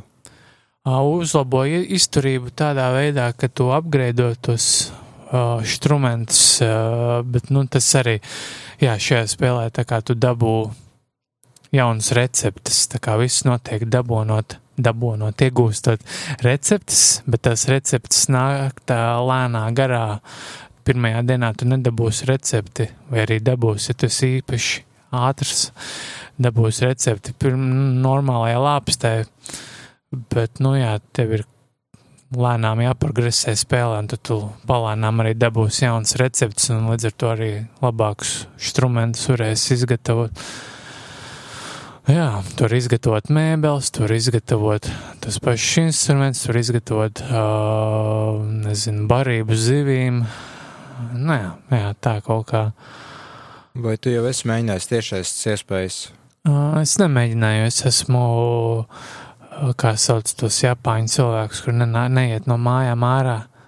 Uh, hi, hikimori, ne, kori, hikimori. Jā, kaut kas tāds. Kaut kas tam līdzīgs, jā, un, un, un es, es izvairos no cilvēkiem arī internātā. tā kā, Bet tagad visu sociālo atbildību, ne, atbildīgi cilvēki neiet ārā. Nu, Hashtag paliec mājās, nu, vai arī nolinčosim tevi. par laimi man nav jāiet ārā no mājām. Vienīgais, kas man piespiež iziet no mājām, ir mana kaimiņiene, kur neiejūtīgi skatās televizoru līdz trim naktī, nerēķinoties ar to, ka mūsu māja dzīvokļiem ir sienas izgatavotas no papīra. Bet, nu jā. Šajā spēlē, jā, progress uz priekšu norit ļoti lēnām. Tā kā praktiski tu izdari kaut kādas lietas, tad tu vari nolikt to spēli atkal nost līdz nākamajai dienai. Jo, piemēram, ja tu uzdod Tomam Nūkam vai nu uzlabot savu māju vai uzcelt jaunu māju kaut kur, tas nenotiek tajā pašā dienā. Tev ir vienkārši jāatstāj spēle uz, nu, uz 12, 14 stundām, jā, jo tur laiks iet rit īstā laika ritmā. Tas nav tā kā, piemēram, citās spēlēs, kur diennakts parit, nezinu, pusstundas laikā. Nu, tad sanāk, ka spēle arī var apvienot viegli ar dažādiem uh, grafikiem. Jā, tev nav obligāti jāspēlē tur, nezinu, 30 stundas, lai tu kaut ko sasniegtu. Tu vari savā, savā garā visu tur izdarīt, kaut arī tas lēnām. Nu, tas tev neviens nespiež. O, nu, piemēram, spēlē, tur neviens nepārmet, o, ko tu tik lēni, tu tur čakēs, davai, davai, tur tā. Tur pat Toms Nuks saka, atmaksā man parādu. Uh, kā tev pašam tiek, tu vari pat neatmaksāt un dzīvot visu laiku teltī, kamēr visi tev apkārt dzīvo jau villās un tam līdzīgi. Un tev uz pieres rakstīts debitors. Jā, vai, nu, bet to, to arī viņš neatgādina. Viņš vienkārši saka, ja tu ej runāt par jaunu māju, viņš saka, es ar tevi nevaru runāt, kamēr tu neesi uzlabojis māju. Nu, neesi samaksājis savu parādu maitu. Tas ir viss, ko viņš saka. Tie. Nu, jā, ko lai vēl pasaka, jā, tā ir tas Nintendo grāvējs, ko visi ir gaidījuši pēdējos gadus. Vai tu nenožēlo, ka tu nopirki to Doom Eternal vietā? Es nenožēloju, jo, ja mēs atskatāmies uz Nintendo spēļu cenām, tad praktiski visas pirmās partijas un trešās partijas ekskluzīvi vai otrās partijas. Nu jā, visas Nintendo ekskluzīvi praktiski nekad nezaudē cenu. Uz it īpaši uz Nintendo Switch. Tā kā vēl aizvien uh, daži vieti uh, The Legend of Zelda Breath of Wild var nopirkt pat 70, 80 eiro. Tā kā, nu, es domāju, ka Animal Crossing būs viena no tām spēlēm, kurām cena tikai pieaugs ar laiku. Ja jūs vispār varat atrast, kur nopirkt, jo es saprotu, ka visur ir izķerts. Tā varētu būt. Bet es esmu pārsteigts, ka ir izšķirts, jo es galīgi nedomāju, ka Latvijā- PSX it kā bija 22 gabali, bet tagad mājaslapā, man liekas, pat vairs nerādās spēle. Jo Nu. ir izpārdot visu. Nu, man prieks, ka es katrā ziņā noķēru to spēli. Es arī, jā, lai gan es vēl neesmu sācis spēlēt. Es iesaku tev pašam pamēģināt, jo tā ir ļoti relaksējoša spēle. Man var spēlēt pie jebkura podkāsta. Šodien, piemēram, Mm. strādājot no, uh, no mājām, ā, man bija tā kā uh, tiešsaites uh, kā Konferences. konference ar kaut kādiem septiņiem, astoņiem cilvēkiem. Un kamēr viņi runāja, es sēdēju uz dīvaina un spēlēju Animal Crossing. Un tas varēju izsakot visam, ko viņi tur stāstīja tajā sapulcē, vienlaikus arī pavirzīties uz priekšu. Tā kā ļoti labi spēle, tīpaši šajā laikā, ja, nu, tīpaši tādiem cilvēkiem, kurus ļoti satrauc, kas notiek pasaulē. Es domāju, ka tas ir kaut kas, kas varētu tā kā līdzīgi kā Stardew Valley izbēgt no realitātes.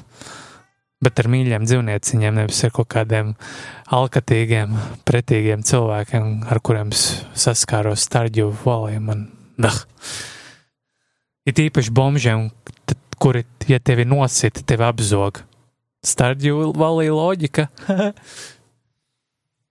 Jā, tas laikam viss no tā, kas ir spēlēts, par to, kas ir spēlēts. Vai arī vēl kaut kas ir, ko es aizmirsu pierakstīt? Mm, ir viena spēle, bet es domāju, par to mēs vēlāk parunāsim. ja mēs izdzīvosim vispār, Mm, jā, tad mēs varam ķerties pie jaunumiem. Gan, nu, jaunam daudz visu kaut kādu bijuši, bet, nu, es noķēru to, kas bija mm, lapā un vēl kaut kur. Tsushima. Iznākšanas datums! Tā teikt, Japāņi. Iznākšanas datumu. Iznākumu šanos datumos. Arigato mašta. Gozaimashita. Ohayo. Tad 26. jūnijā tiks izdota Ghost of Tsushima, kas ir nākamais lielais ekskluzīvais grāvējs no uh, Sony. Es gan neatceros, vai tik nebija uh, The Last of Us Part 2 uh, nedaudz agrāk, kaut kad maijā. Bet katrā ziņā man diezgan interesanti liekas Ghost of Tsushima. Es pareizi atceros šo spēli izstrādāt tie paši, kas uh, Spider-Man, Spider Spider-Man izstrādāja. Un nu, viņi arī, ko viņi to. Uh, Uh, Sucker Punch sauc studiju, viņi radīja arī uh, Infamous. jā, un, Infamous, jā. Studija ar lielu pieredzi. Es domāju, ka būs, kā jau parasti ir Sony, ļoti kvalitatīvs darbs. Es ļoti ceru, ka šis nebūs kaut kāds neo gadījums, ka ir uh, brutāli grūtības pakāpe. Es domāju, ka šeit nebūs, šeit būs mierīgāk. Nākamais lielais grāvējs, par kuru visi streameri jau ir piekājuši pilnas bikses, ir Resident Evil 3 remakes demo.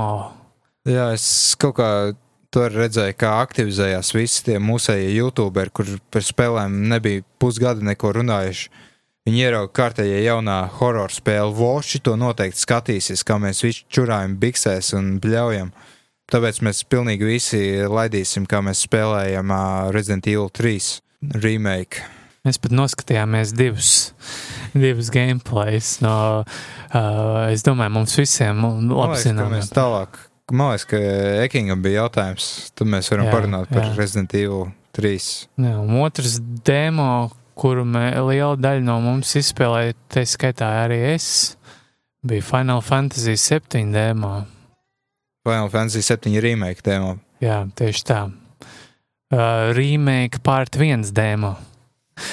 Jā, tas ir uh, tas, kas mums iznāks aprīlī. Tā būs tikai pirmā daļa, sapratu. Ja? Jā, no trim daļām kopumā, bet izstrādātais soli vismaz 40 līdz 50 stundas uh, spēles laiku. Tā kā Interesanti, kāda būs cena? 60 eiro. es pieļauju, ka jā, visticamāk. Man liekas, ka PSX 60 eiro preorders ir. Ja tur Tas- bija. Tas ir cietsirdīgi vienkārši. Un tu dabūsi tikai trešo daļu spēles, vai cik tur. Nu, nezinu, ja tas ir kaut kā tādā pašā garā kā uh, Final Fantasy, piemēram, 10, nu, X un X2, ka, nu, praktiski tā arī bija spēle, kas sadalīta divās daļās, vai arī uh, 13. pēdējā fantāzija, kur arī bija ne tikai divās, bet trīs daļās, ieskaitot uh, Lightning Returns, kas arī ir atsevišķa spēle šajā pašā sižetā. Nu, jā, tā kā es domāju, ka tas, tas šī nav pirmā reize, kad viņi to izdara. Vienkārši jau laikus pasaka, jā, ka mums būs trīs spēles no vienas spēles. Vienkārši man lielākais jautājums ir, kā viņi izstieps, piemēram, katru daļu, jo kopumā tā spēle kaut kur 70 stundas, nu, oriģināls, es domāju. Nu, labi, krietni pieaugusi detalizācija. Tur var katru atkritumu kastu vāku un vēl nezinu, ko izpētīt. Nu, Cerams, jā. Nu, jā, es izspēlēju demo. Um, nu, man, man cīņas sistēma patīk vairāk kā Final Fantasy 15. Nu, 15, es nezinu. Nu, man nepatīk šausmīgi tā uh, cīņas sistēma, jo haotiski neko nevar absolūti saprast, kas notiek. Ir īpaši, ja tu gribi kaut ko interesantu izdarīt. Uh, viss notiek turot vienu pogu, un tu tur vēl kaut ko paralēli, un nav nekāda sajūta par to, ko tu izdari pretiniekam vai ko pretinieks izdara. Tev tāds ko kon konkrēts diskonekts ir starp tevi un spēle, un arī šajā spēlē tas efekts mazliet ir, lai arī ne tik izteikti kā 15. daļā, bet, nu jā, viņi kaut kā vairāk ir atgriezušies pie ATB, no Active Time Battle, jā. Bet, nu, iespēja ir lapā tā, ka tos var izlasīt. Un... Jā, jā. Jā, un runājot par vecām spēlēm, arī par vecām konsolēm. Playstation 2 palika 20 gadiņi. Jepī! Tas bija domas. Jā, tad, tad, tad, tas bija mūsu fanfars. Jā, toreiz lielākā problēma bija 11. septembris un uh, masu iznīcības ieroči Irākā, kas beigās neeksistēja. Paldies mēdījiem. Un Sadam Husēns, kurš izmantoja 800 Playstation 2, lai darbinātu savu superdatoru, vai tie bija Playstation 3? Nē, Neatceros. divi.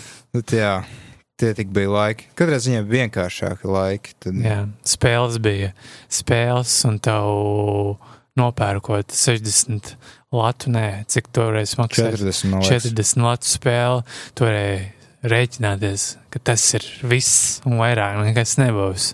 Mm -hmm. Jā. Bet bija jācer, ka tu neaizmirsti nopirkt arī atmiņas karti, citādi nevarēsi saglabāties. Jā, es to aizmirsu, jā, ka atmiņas kartes bija ļoti neietilpīgas un nereāli dārgas. Tāpēc mēs visi pirkām uh, mēdkats atkritumus, kuri zaudēja funkcionalitāti pēc pārsimt lietošanas reizēm. Ne, bet Playstation 2 vismaz bija labāk nekā ar GameCube, kur tev tie 59 vai cik bloki, tas bija pilnīgs Nu, izsmieklis. tas, jau, tas jau pat bija daudz, es atceros, man vairākas kartes, kurām bija 12 bloki, kur nāca līdzi spēlēm, piemēram, uh, Pokemon Dark Coliseum vai kā tu spēli sauc. Tur bija nāca līdzi īpaši memorija kārts. Jā, tie bija vecie labie laiki, bet, nu jā, jā. Playstation 2 dual layer diski. Tikai dažas spēles duelē ir, man liekas, ka Gran Turismo 4 un laikam Midnight Club 3 Dub Edition remix. Tie. Bet, nu jā, ja tev disks pārāk saskrāpās, tad rēķinies to, ka paspēlēt nevarēsi. Tagad es neesmu redzējis saskrāpētus diskus. Man liekas, ka Blu-ray ir vienkārši izturīgāki. Es gan nesaprotu, kā tos saskrāpētos diskus visi dabūja, bet, nu, Vai kaut kādi bērni, es nezinu, nomētāji visās malās. Bet jā, es biju pārsteigts, es uzrakstīju rakstu savu veltījumu tam visam. Liela daļa no tām, ko es pieminēju, kā savus favorītus, es uzspēlēju. Un jāsaka, tas pats, kas uh, fan ar uh, Final Fantasy 12, ka, nu, spēles vēl aizvien labas. Still hold up, kā saka angliski. Protams, dažas lietas ir invertētas, uh, labais, analogais kloķis vai vēl kaut kas, bet tie ir sīkumi. Pie tā viss nedaudz pierod. Ja. Nu, labi, man grūti pateikt, es tā objektīvi nesaku, jo esmu cilvēks, kurš ar to visu ir uzaugusi. Bet, ja tu teici kaut kādam uh, zoomerim, uh, izlapošam iedos Playstation 2, es domāju, ka viņš nebūs apmierināts. jā, Playstation 2 un Playstation 5.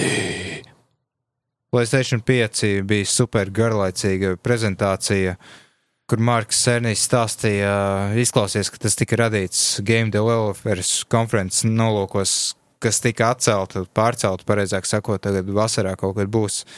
Bet jā, tik super garlaicīgi mēslu, es nezinu. Jā, bet mēs uzzinājām, cik teraflopi, un cik megabaiti, un cik gigabaiti, un cik uh, megabiti un gigabiti un uh, viss. Nu, jā, ko es gribu teikt, ka, nu, tāpat kā Xbox One un Playstation 4 starpība ir tik maza tehniski, ka, nu, vispār Jā, tagad atšķirība ir tikai kastes forma un izskats. Un... Bet mēs pat nezinām, kā Playstation 5 izskatīsies, jo ne Jā. izziņoja izdošanas datumu, ne gala dizainu, ne formu, ne vēl kaut ko. Jā, Es tas man kaut kā galīgi nepievilcīgi izties Playstation 5. Man rodas iespējas, ka viņi nav paši pārliecināti vai nav līdz galam uztaisījuši kaut ko. man liekas, ka ar, ar, ar abām konsolēm vienmēr ir tā kaķu un peles spēle. Kā tas bija eh, trešajā paudzē, kad uh, Xbox 360 i- izsludināja, un tad Playstation vajadzēja sasteigt, un tie trešie plēši bija visi ļoti sasteigti, tagad arī, kad iznāca Playstation 4, Xbox uh, leca līdzi, lai, nu, panāktu tieši to pašu funkcionalitāti, un tagad atkal otrādi, kad uh, Xbox Series X ir izsludināts, Playstation 5 ir izsludināts, kaut arī viņi pat nezin, kā tā miskast izskatīsies. Bet viņi tik ļoti stiepji gumīgi, ka man rodas tāds nepārliecinātības iespējas. Nu, viņi jau kādu laiku vismaz stāsta par to SSD funkcionalitāti, kā tas uzlabos spēles un visu pārējo. Un ne tikai ielādes ātrums, bet arī kadru skaitu, kā tas uzlabos, jo iela, arī asetu ielāde pātrināsies. Viss tas tā kā, nu, izklausās, ka, ka tas ir liels deals priekš konsolēm. Nē, ir arī, tāpēc, ka datus tev varēs strukturēt citādāk, nevajadzēs uz Blu-rayiem uh, kopēt ne, tos pašus datus, lai vieglāk nolasītu un tam līdzīgi. Tev var daudz efektīvāk izmantot vietu uz diskiem. Es vienīgais ceru, ka tie ir normāli SSD ar normāliem kontrolieriem, kuri, nu, tā kā.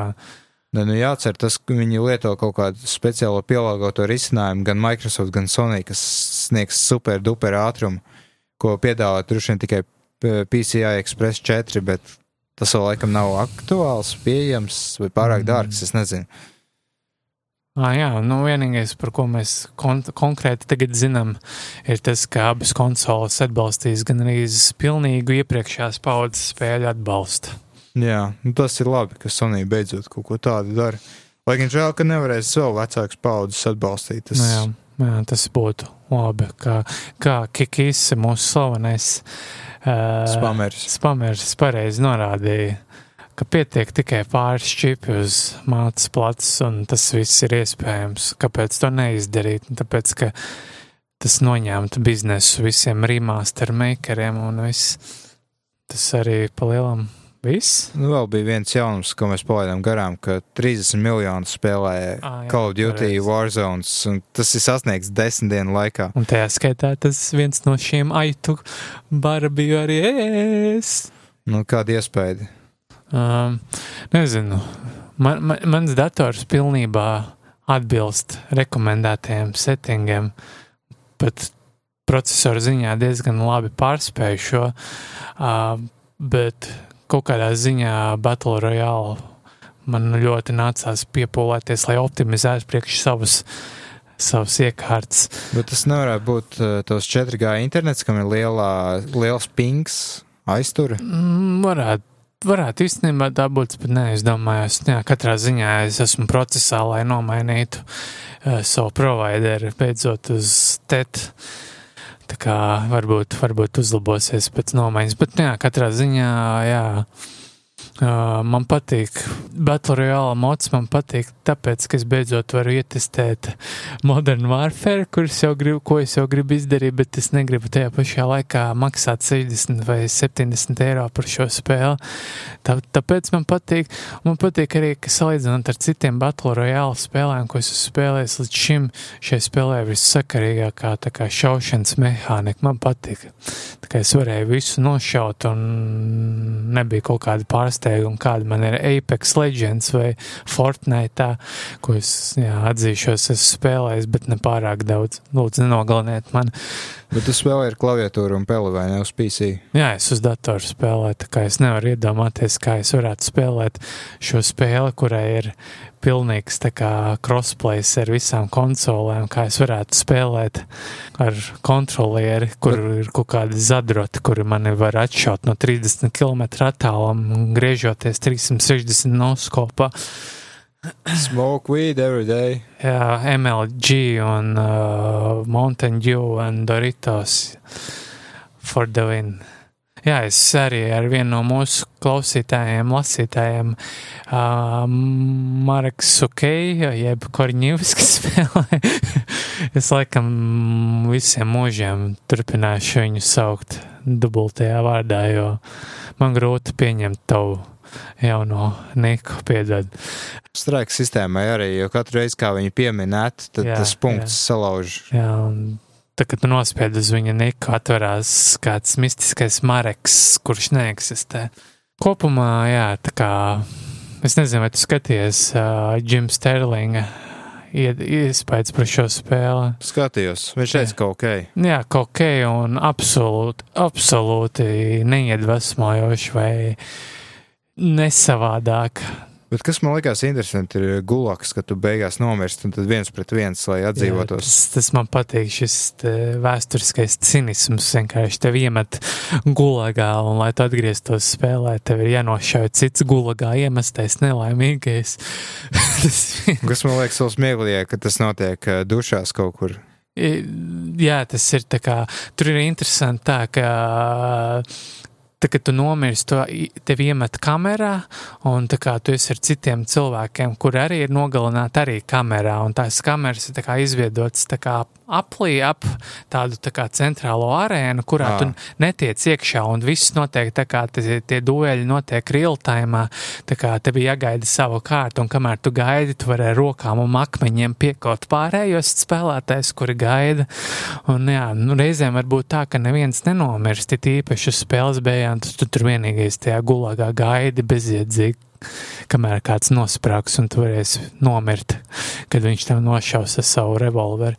Jā, tā kā tā. Nu, tas ir tāds, kaut ko tādu var tikai rietumnieki izdomāt, kuri nav dzīvojoši, dzīvojoši komunismu režīmā nekad. Man liekas, viņiem visiem vajadzētu aizbraukt ceļojumā uz Sibīriju. Es domāju, ka viņiem vajadzētu atgriezties pagātnē un nu, kļūt par politieslodzītējiem. Tad visas spēles kļūtu sakarīgākas. Vai arī tieši otrādi. Jā.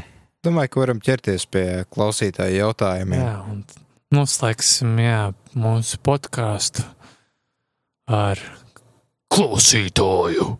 Jautājumi. Un pirmais ir Mūsu MVP, mūsu labākais biedrs pats. pašnāvības Kristus. Dobrīs dienas večers. Cerams, drošības apsvēru dēļ sēžat divu metru attālumā viens no otra. Nē, te ir varbūt 50 centimetri. Tā, lai var speciāli uzklapot virsū. Jā, mm, ge, gena jau man spļaudās visu laiku virsū. Viņš Ja katru reizi, kad es runāju, vienkārši siekals ar to hujovidu šaidās apkārt. Jā, tā kā es jau esmu zaļš no tavām siekalām. Esat jau spēlējuši Doom Eternal jauno Ori?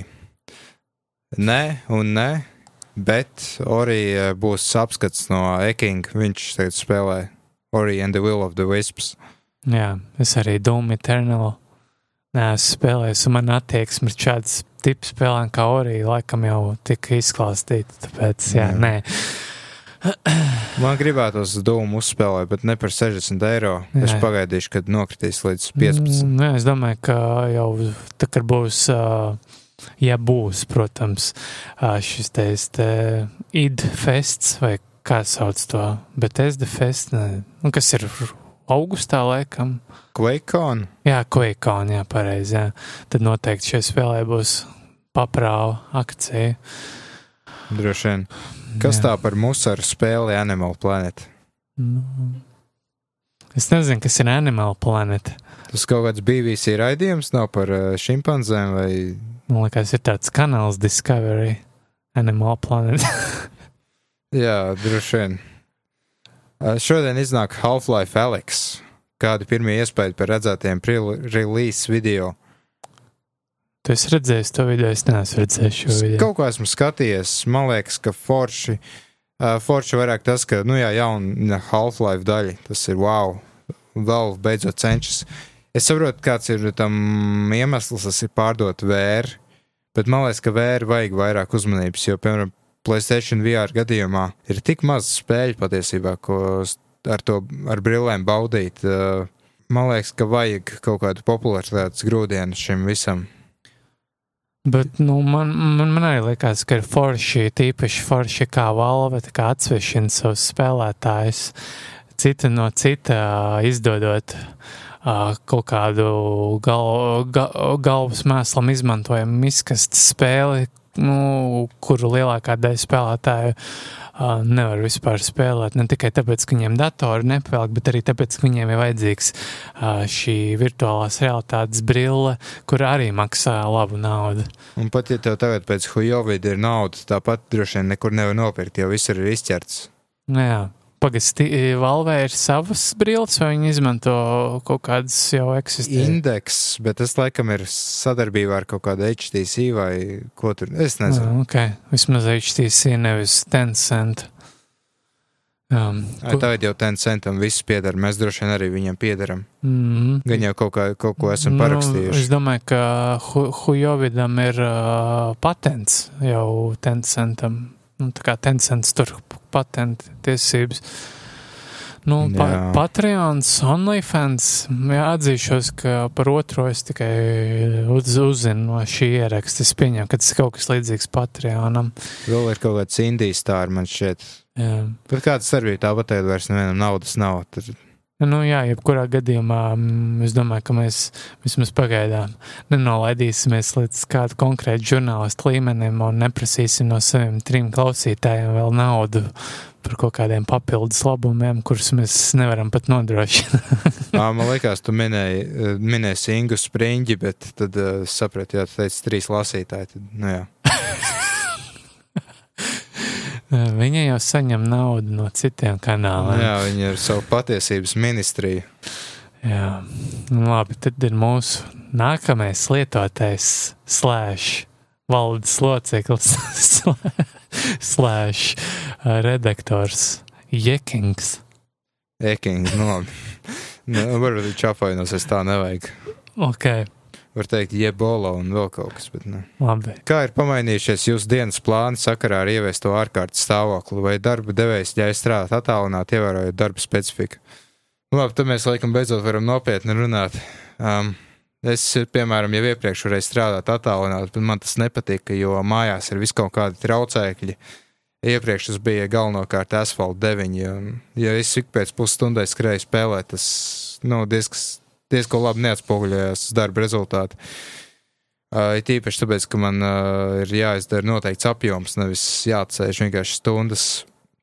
Mums vēl abiem dienas darbs ir, par laimi mēs neesam tajos bīstamajās kategorijās, bet, nu, es nezinu, nu, droši vien fen ir drošāks darbs manējais agrā nākotnē, man liekas, tiks aizvietots ar mākslīgo intelektu.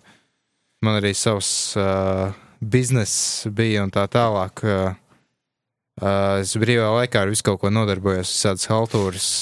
Gads sākās ļoti zaļi, bet, diemžēl, esmu tajā nozarē, kur pilnīgi un absolūti apstādināja šī hujovida histērija. Tā kā visi publiskie pasākumi ir atcelti, tad uh, vismaz pusi man ienākumu ir pazudusi, un uh, īstermiņā tie ir zaudējumi no kaut kādiem 500 līdz 1000 eiro. Ilgtermiņā es nezinu, es nezinu cik ilgi šis viss sūds turpināsies cik ilgi mēs pakļausimies, sēdēsim mājās un nezinu, ko var, nezinu ar ko visi ir tik aizņemti. Mums bija versijas, ar ko cilvēki, kas saka, ka viņi ir aizņemti nedēļas nogalēs, tagad, ko viņi nodarbojas. Viņiem rokas ir aizņemtas. Jā, Atstāsim to tā. jā. Tā kā šitais viss ir baigi graujoši ekonomikai. Nu jā, daudz droši vien tas neskar, kur strādā IT vai valsts uz kaut kādās institūcijās. Sijā valsts ieņēmuma dienestā. Jā, vai valsts akciju sabiedrībās. Nu jā, Rīgas siltumā viņam tur diezgan zaļi iet. Ir. Visiem vēl aizvien vajag siltumu. Ir tīpaši tagad, kad sēž mājās. Rēķini, man liekas, pieaug diezgan pamatīgi. Jā. Es arī esmu to cilvēku skaitā, kuri sēž mājās. Es jau trešo nedēļu esmu. Man ir dot iespēju atrasties mājās. Ā, man nedzirdēja. Jā, jā, halo, halo. Jā, es jau trešo nedēļu esmu mājās. Tā kā manam darbdevējam par laimi nav nekādas problēmas. To es jau kā minēju, ā, arī Animal Crossing pamanos spēlēt. Un, Jā, tad tev nav jāiesaistās aktīvi nemaz sanāksmēs. Mm. Nē, nu man ir jāiesaistās, bet, nu, eh, šodien es izvēlējos tādu daudz pasīvāku lomu, ņemot vērā, ka man, manā virtuālā sanāksme aizņēma trīs stundas. Tā, kā, Ok, jā, mm, jā. tā mēs laikam arī varam pāriet jau, nu, pie nākamā ekinga jautājuma ir, vai ir parādījies vairāk laika spēlēm. Nu, es varu teikt, ka jā, man ir laiks vairāk spēlēm. Es esmu vairāk vai mazāk spiests atrasties pie datora, tad es vairāk spēlēju dažādas datorspēles, kuras varu paralēli uz savu otrā ekrāna displeja Spēlēt. spēlēt jā, kamēr uz otra ekrāna man lēnām apdeitojās e-pasta no darba vietas, un es tad varu nopauzēt un atrakstīt atpakaļ. Jā, kā tev, kā tev tu spēlē, tev rokas ir brīvas. jā. Rokas ir diezgan brīvas spēlēt. Tīpaši nedēļas nogalēs. Tagad, uh, es vispār pirmo reizi biju tā pie ilgiem laikiem, ka es nezināju pilnīgi, ko darīt. tā arī kaut kā es sev pierunāju pamēģināt PSVR, kas bija jautri, man patika, kā jau stāstīju. Tagad piekdienas, sestdienas vakar ir brīvi, bet atkal ir tas, ka tāda depresija, viss šitais, cik lielā pakaļā mēs tagad esam ekonomiski, tas tāds nepopulārs viedoklis, bet man liekas, ka vairāk cilvēku nomirs no uzturvielu trūkuma, varbūt eh, atņemot pašu sev dzīvību vai vēl kaut kā, nekā būtu tie vecie penči, kas būtu atsiepuši kājas, ja mēs ļautu visādiem vīrusiem brīvi plosīties. Es domāju, ka ilgtermiņā kopumā ekonomiskās sekas ir daudz lielākas nekā sekas veselībai vai vēl kaut kam. Es domāju, šāda attieksme tev no saskaņas neievēlēs. Arī Gzdoma nākamajā sasaukumā, kurš e, tagad, nu, nezinu, kad būs. Labi, ka šeit klausās divi cilvēki. Viņi nezina, kur es dzīvoju, nenolenčos mani, bet jā. Man liekas, ka šis viss stipri pārspīlēts. Es vienmēr esmu apšaubījis to, ko saka ziņās. Adrese podkāstu aprakstā. Jā, nāciet, nošaujiet mani. Bet es tāpat esmu radikāls. Man tāpat pirmā pieliks pie sienas un nošaus, tā kā pienāks tam laiks. Es nebaidos no nāves. Es gan iešu mežā dzīvot partizānu dzīvi. Gaidīšu labākus laikus, iznākšu pēc 50 gadiem, tad, kad šeit būs Japānas impērija. Tad tu varēsi būt Ghost of Tsushima. Jā, jā tad Ekings turpina. Varētu rekomendēt kādu īpašu filmu, seriālu vai grāmatu šajā laikā relatīvi nesen pirms visu šitā murgis, tā kā um, pēdiņās izlasīju, jeb noklausījos uh, vienu, vienu grāmatu par Mao Cetungu, ļoti kritiski par šo kungu, Jauns kungu. Maukmīli. Uh, tā kā es, es nezinu, kāda bija konkrēts nosaukums, bet viens no autoriem bija ķīnietis, un nosaukumā arī bija Mao. Tā kā Mao Jā, var praktiski no A līdz Z par Mao noskaidrot. Šī grāmata ir 800 vai cik tur lapas gara un aptuveni klausīties aizņem 40 stundas. Tā kā iesaku, ja nav absolūti ko darīt, tad Mao. Jā, es, ko es neieteiktu skatīties ar visu šīs filmas par pandēmijām un tā tālāk. Man liekas, cilvēki jau tā ir pārmīzuši jēgu. Man liekas, zombiju filmas varētu paskatīties. Tas jā. 28 dienas, mēneši vēlāk. Jā, man liekas, ka vairāk cilvēku nomirst nevis no vīrusa, bet uh, aiz bailēm apčurāsies, dabūs iekaisuma infekciju. Tad... Gonorē. jā. nu jā, es ieteiktu noteikti kādu no Davida Aika grāmatām. Viņš jau 30 gadus ir runājis par to, kas tagad pamazām lēnām beidzot piepildās. Jā, viss tas totalitārisms, kā cilvēki ir gatavi atdot savu uh, brīvību, jo viņi ir sabijušies, jo viņi sabaidīti noticējuši visam, ko stāsta prostitūtas. Tas ir uh, mēdī, plašsaziņas līdzekļi, kur izpatīk jebkam, kas maksā. Jo citādi jau viņi nemāk naudu pelnīt. Jā, tad ir īpašs jautājums tev, Genādij. Jā? Jā, vai izdevās iemēģināt Resident Evil 3 demo? Un kāda iespēja par to? Vai doma spēlēt Resident Evil 3 iznākšanas dienā? Uh, es demo nemēģināju, man pietika, ka es noskatījos uh, konsoles LV gameplay video. Tur viņš beigās nogriez un pat neparādīja nemesis. Tāpēc man nācās skatīties, kā uzkapājam Gatis spēlē kopā ar savu dēlu. Man ir aizdoma, ka viņam nesanāca tā cīņa, tāpēc. Nē, nu viņš pēc tam stāstīja, ka divi ar pus minūtēs izgāja. Nu, es nezinu. Visu, visu demoju. Bet jā, būtībā viņi ir paņēmuši to, ka Resident Evil 3 visu laiku zinās pakaļ nemesis, tas lielais ļaundaris. Uh, viņi ir uztaisījuši tevi tā, ka viņš spēj sekot iekšā pat uh, drošajās telpās, kur varēja saglabāties un uh, mantas uzglabāt. Nezinu, vai es esmu sajūsmā par to, godīgi sakot.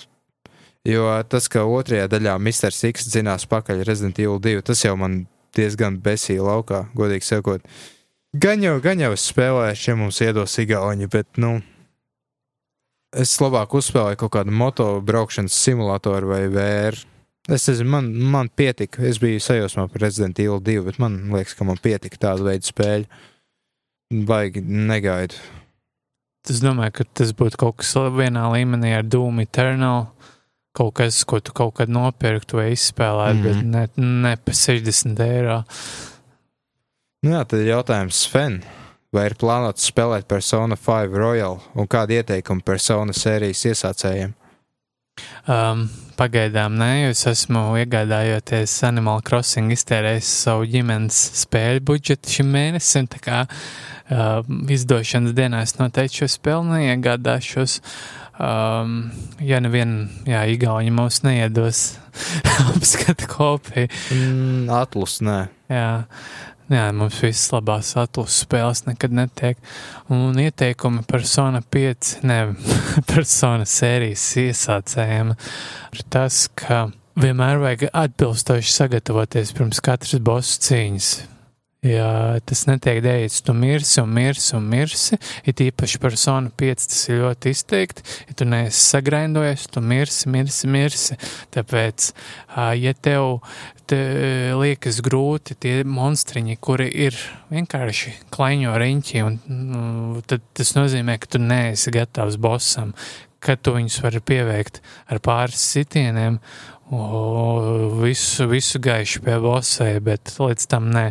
Un šeit arī personu spēlēm ir ļoti, ļoti svarīgi tas, ka tu menedžē savu laiku, nenodarbojies ar bezjēdzīgiem sūdiem, attīst attiecības ar draugiem. Tā kā, ja, jo vairāk, labākas attiecības ar draugiem, jo vairāk tu to novērtēsi spēles beigās, uh, tev atbalstīs, nu, stāsts attīstīsies citādāk, un arī tavs partijas būs stiprāks. Tā kā tas ir tas, ko es ieteiktu, koncentrēties uz draugiem un grindot, cik vien iespējams. Tas un, ir īstenībā tas pats, ko es ieteiktu ar hujovidu vīrusu. Man mazliet pamainījās uh, perspektīva vēl kaut kas. Es ieteiktu pēdējās dienās pirms totalitārismā, jā, pavadīt laiku ar draugiem, kamēr tas vēl ir iespējams. Jā, es jau to jautājumu un tā ļoti dīvaini izteicies čatām un radās iespējas, ka tu grasies atvadīties no šīs dzīves. Nē, nē. Kā, jā. tā kā ja es kādreiz tiku atrodas, atrasts pakāries vai sevi nošāvis ar bisi vai vēl kaut ko, tad es zināju, ka tas nebija es.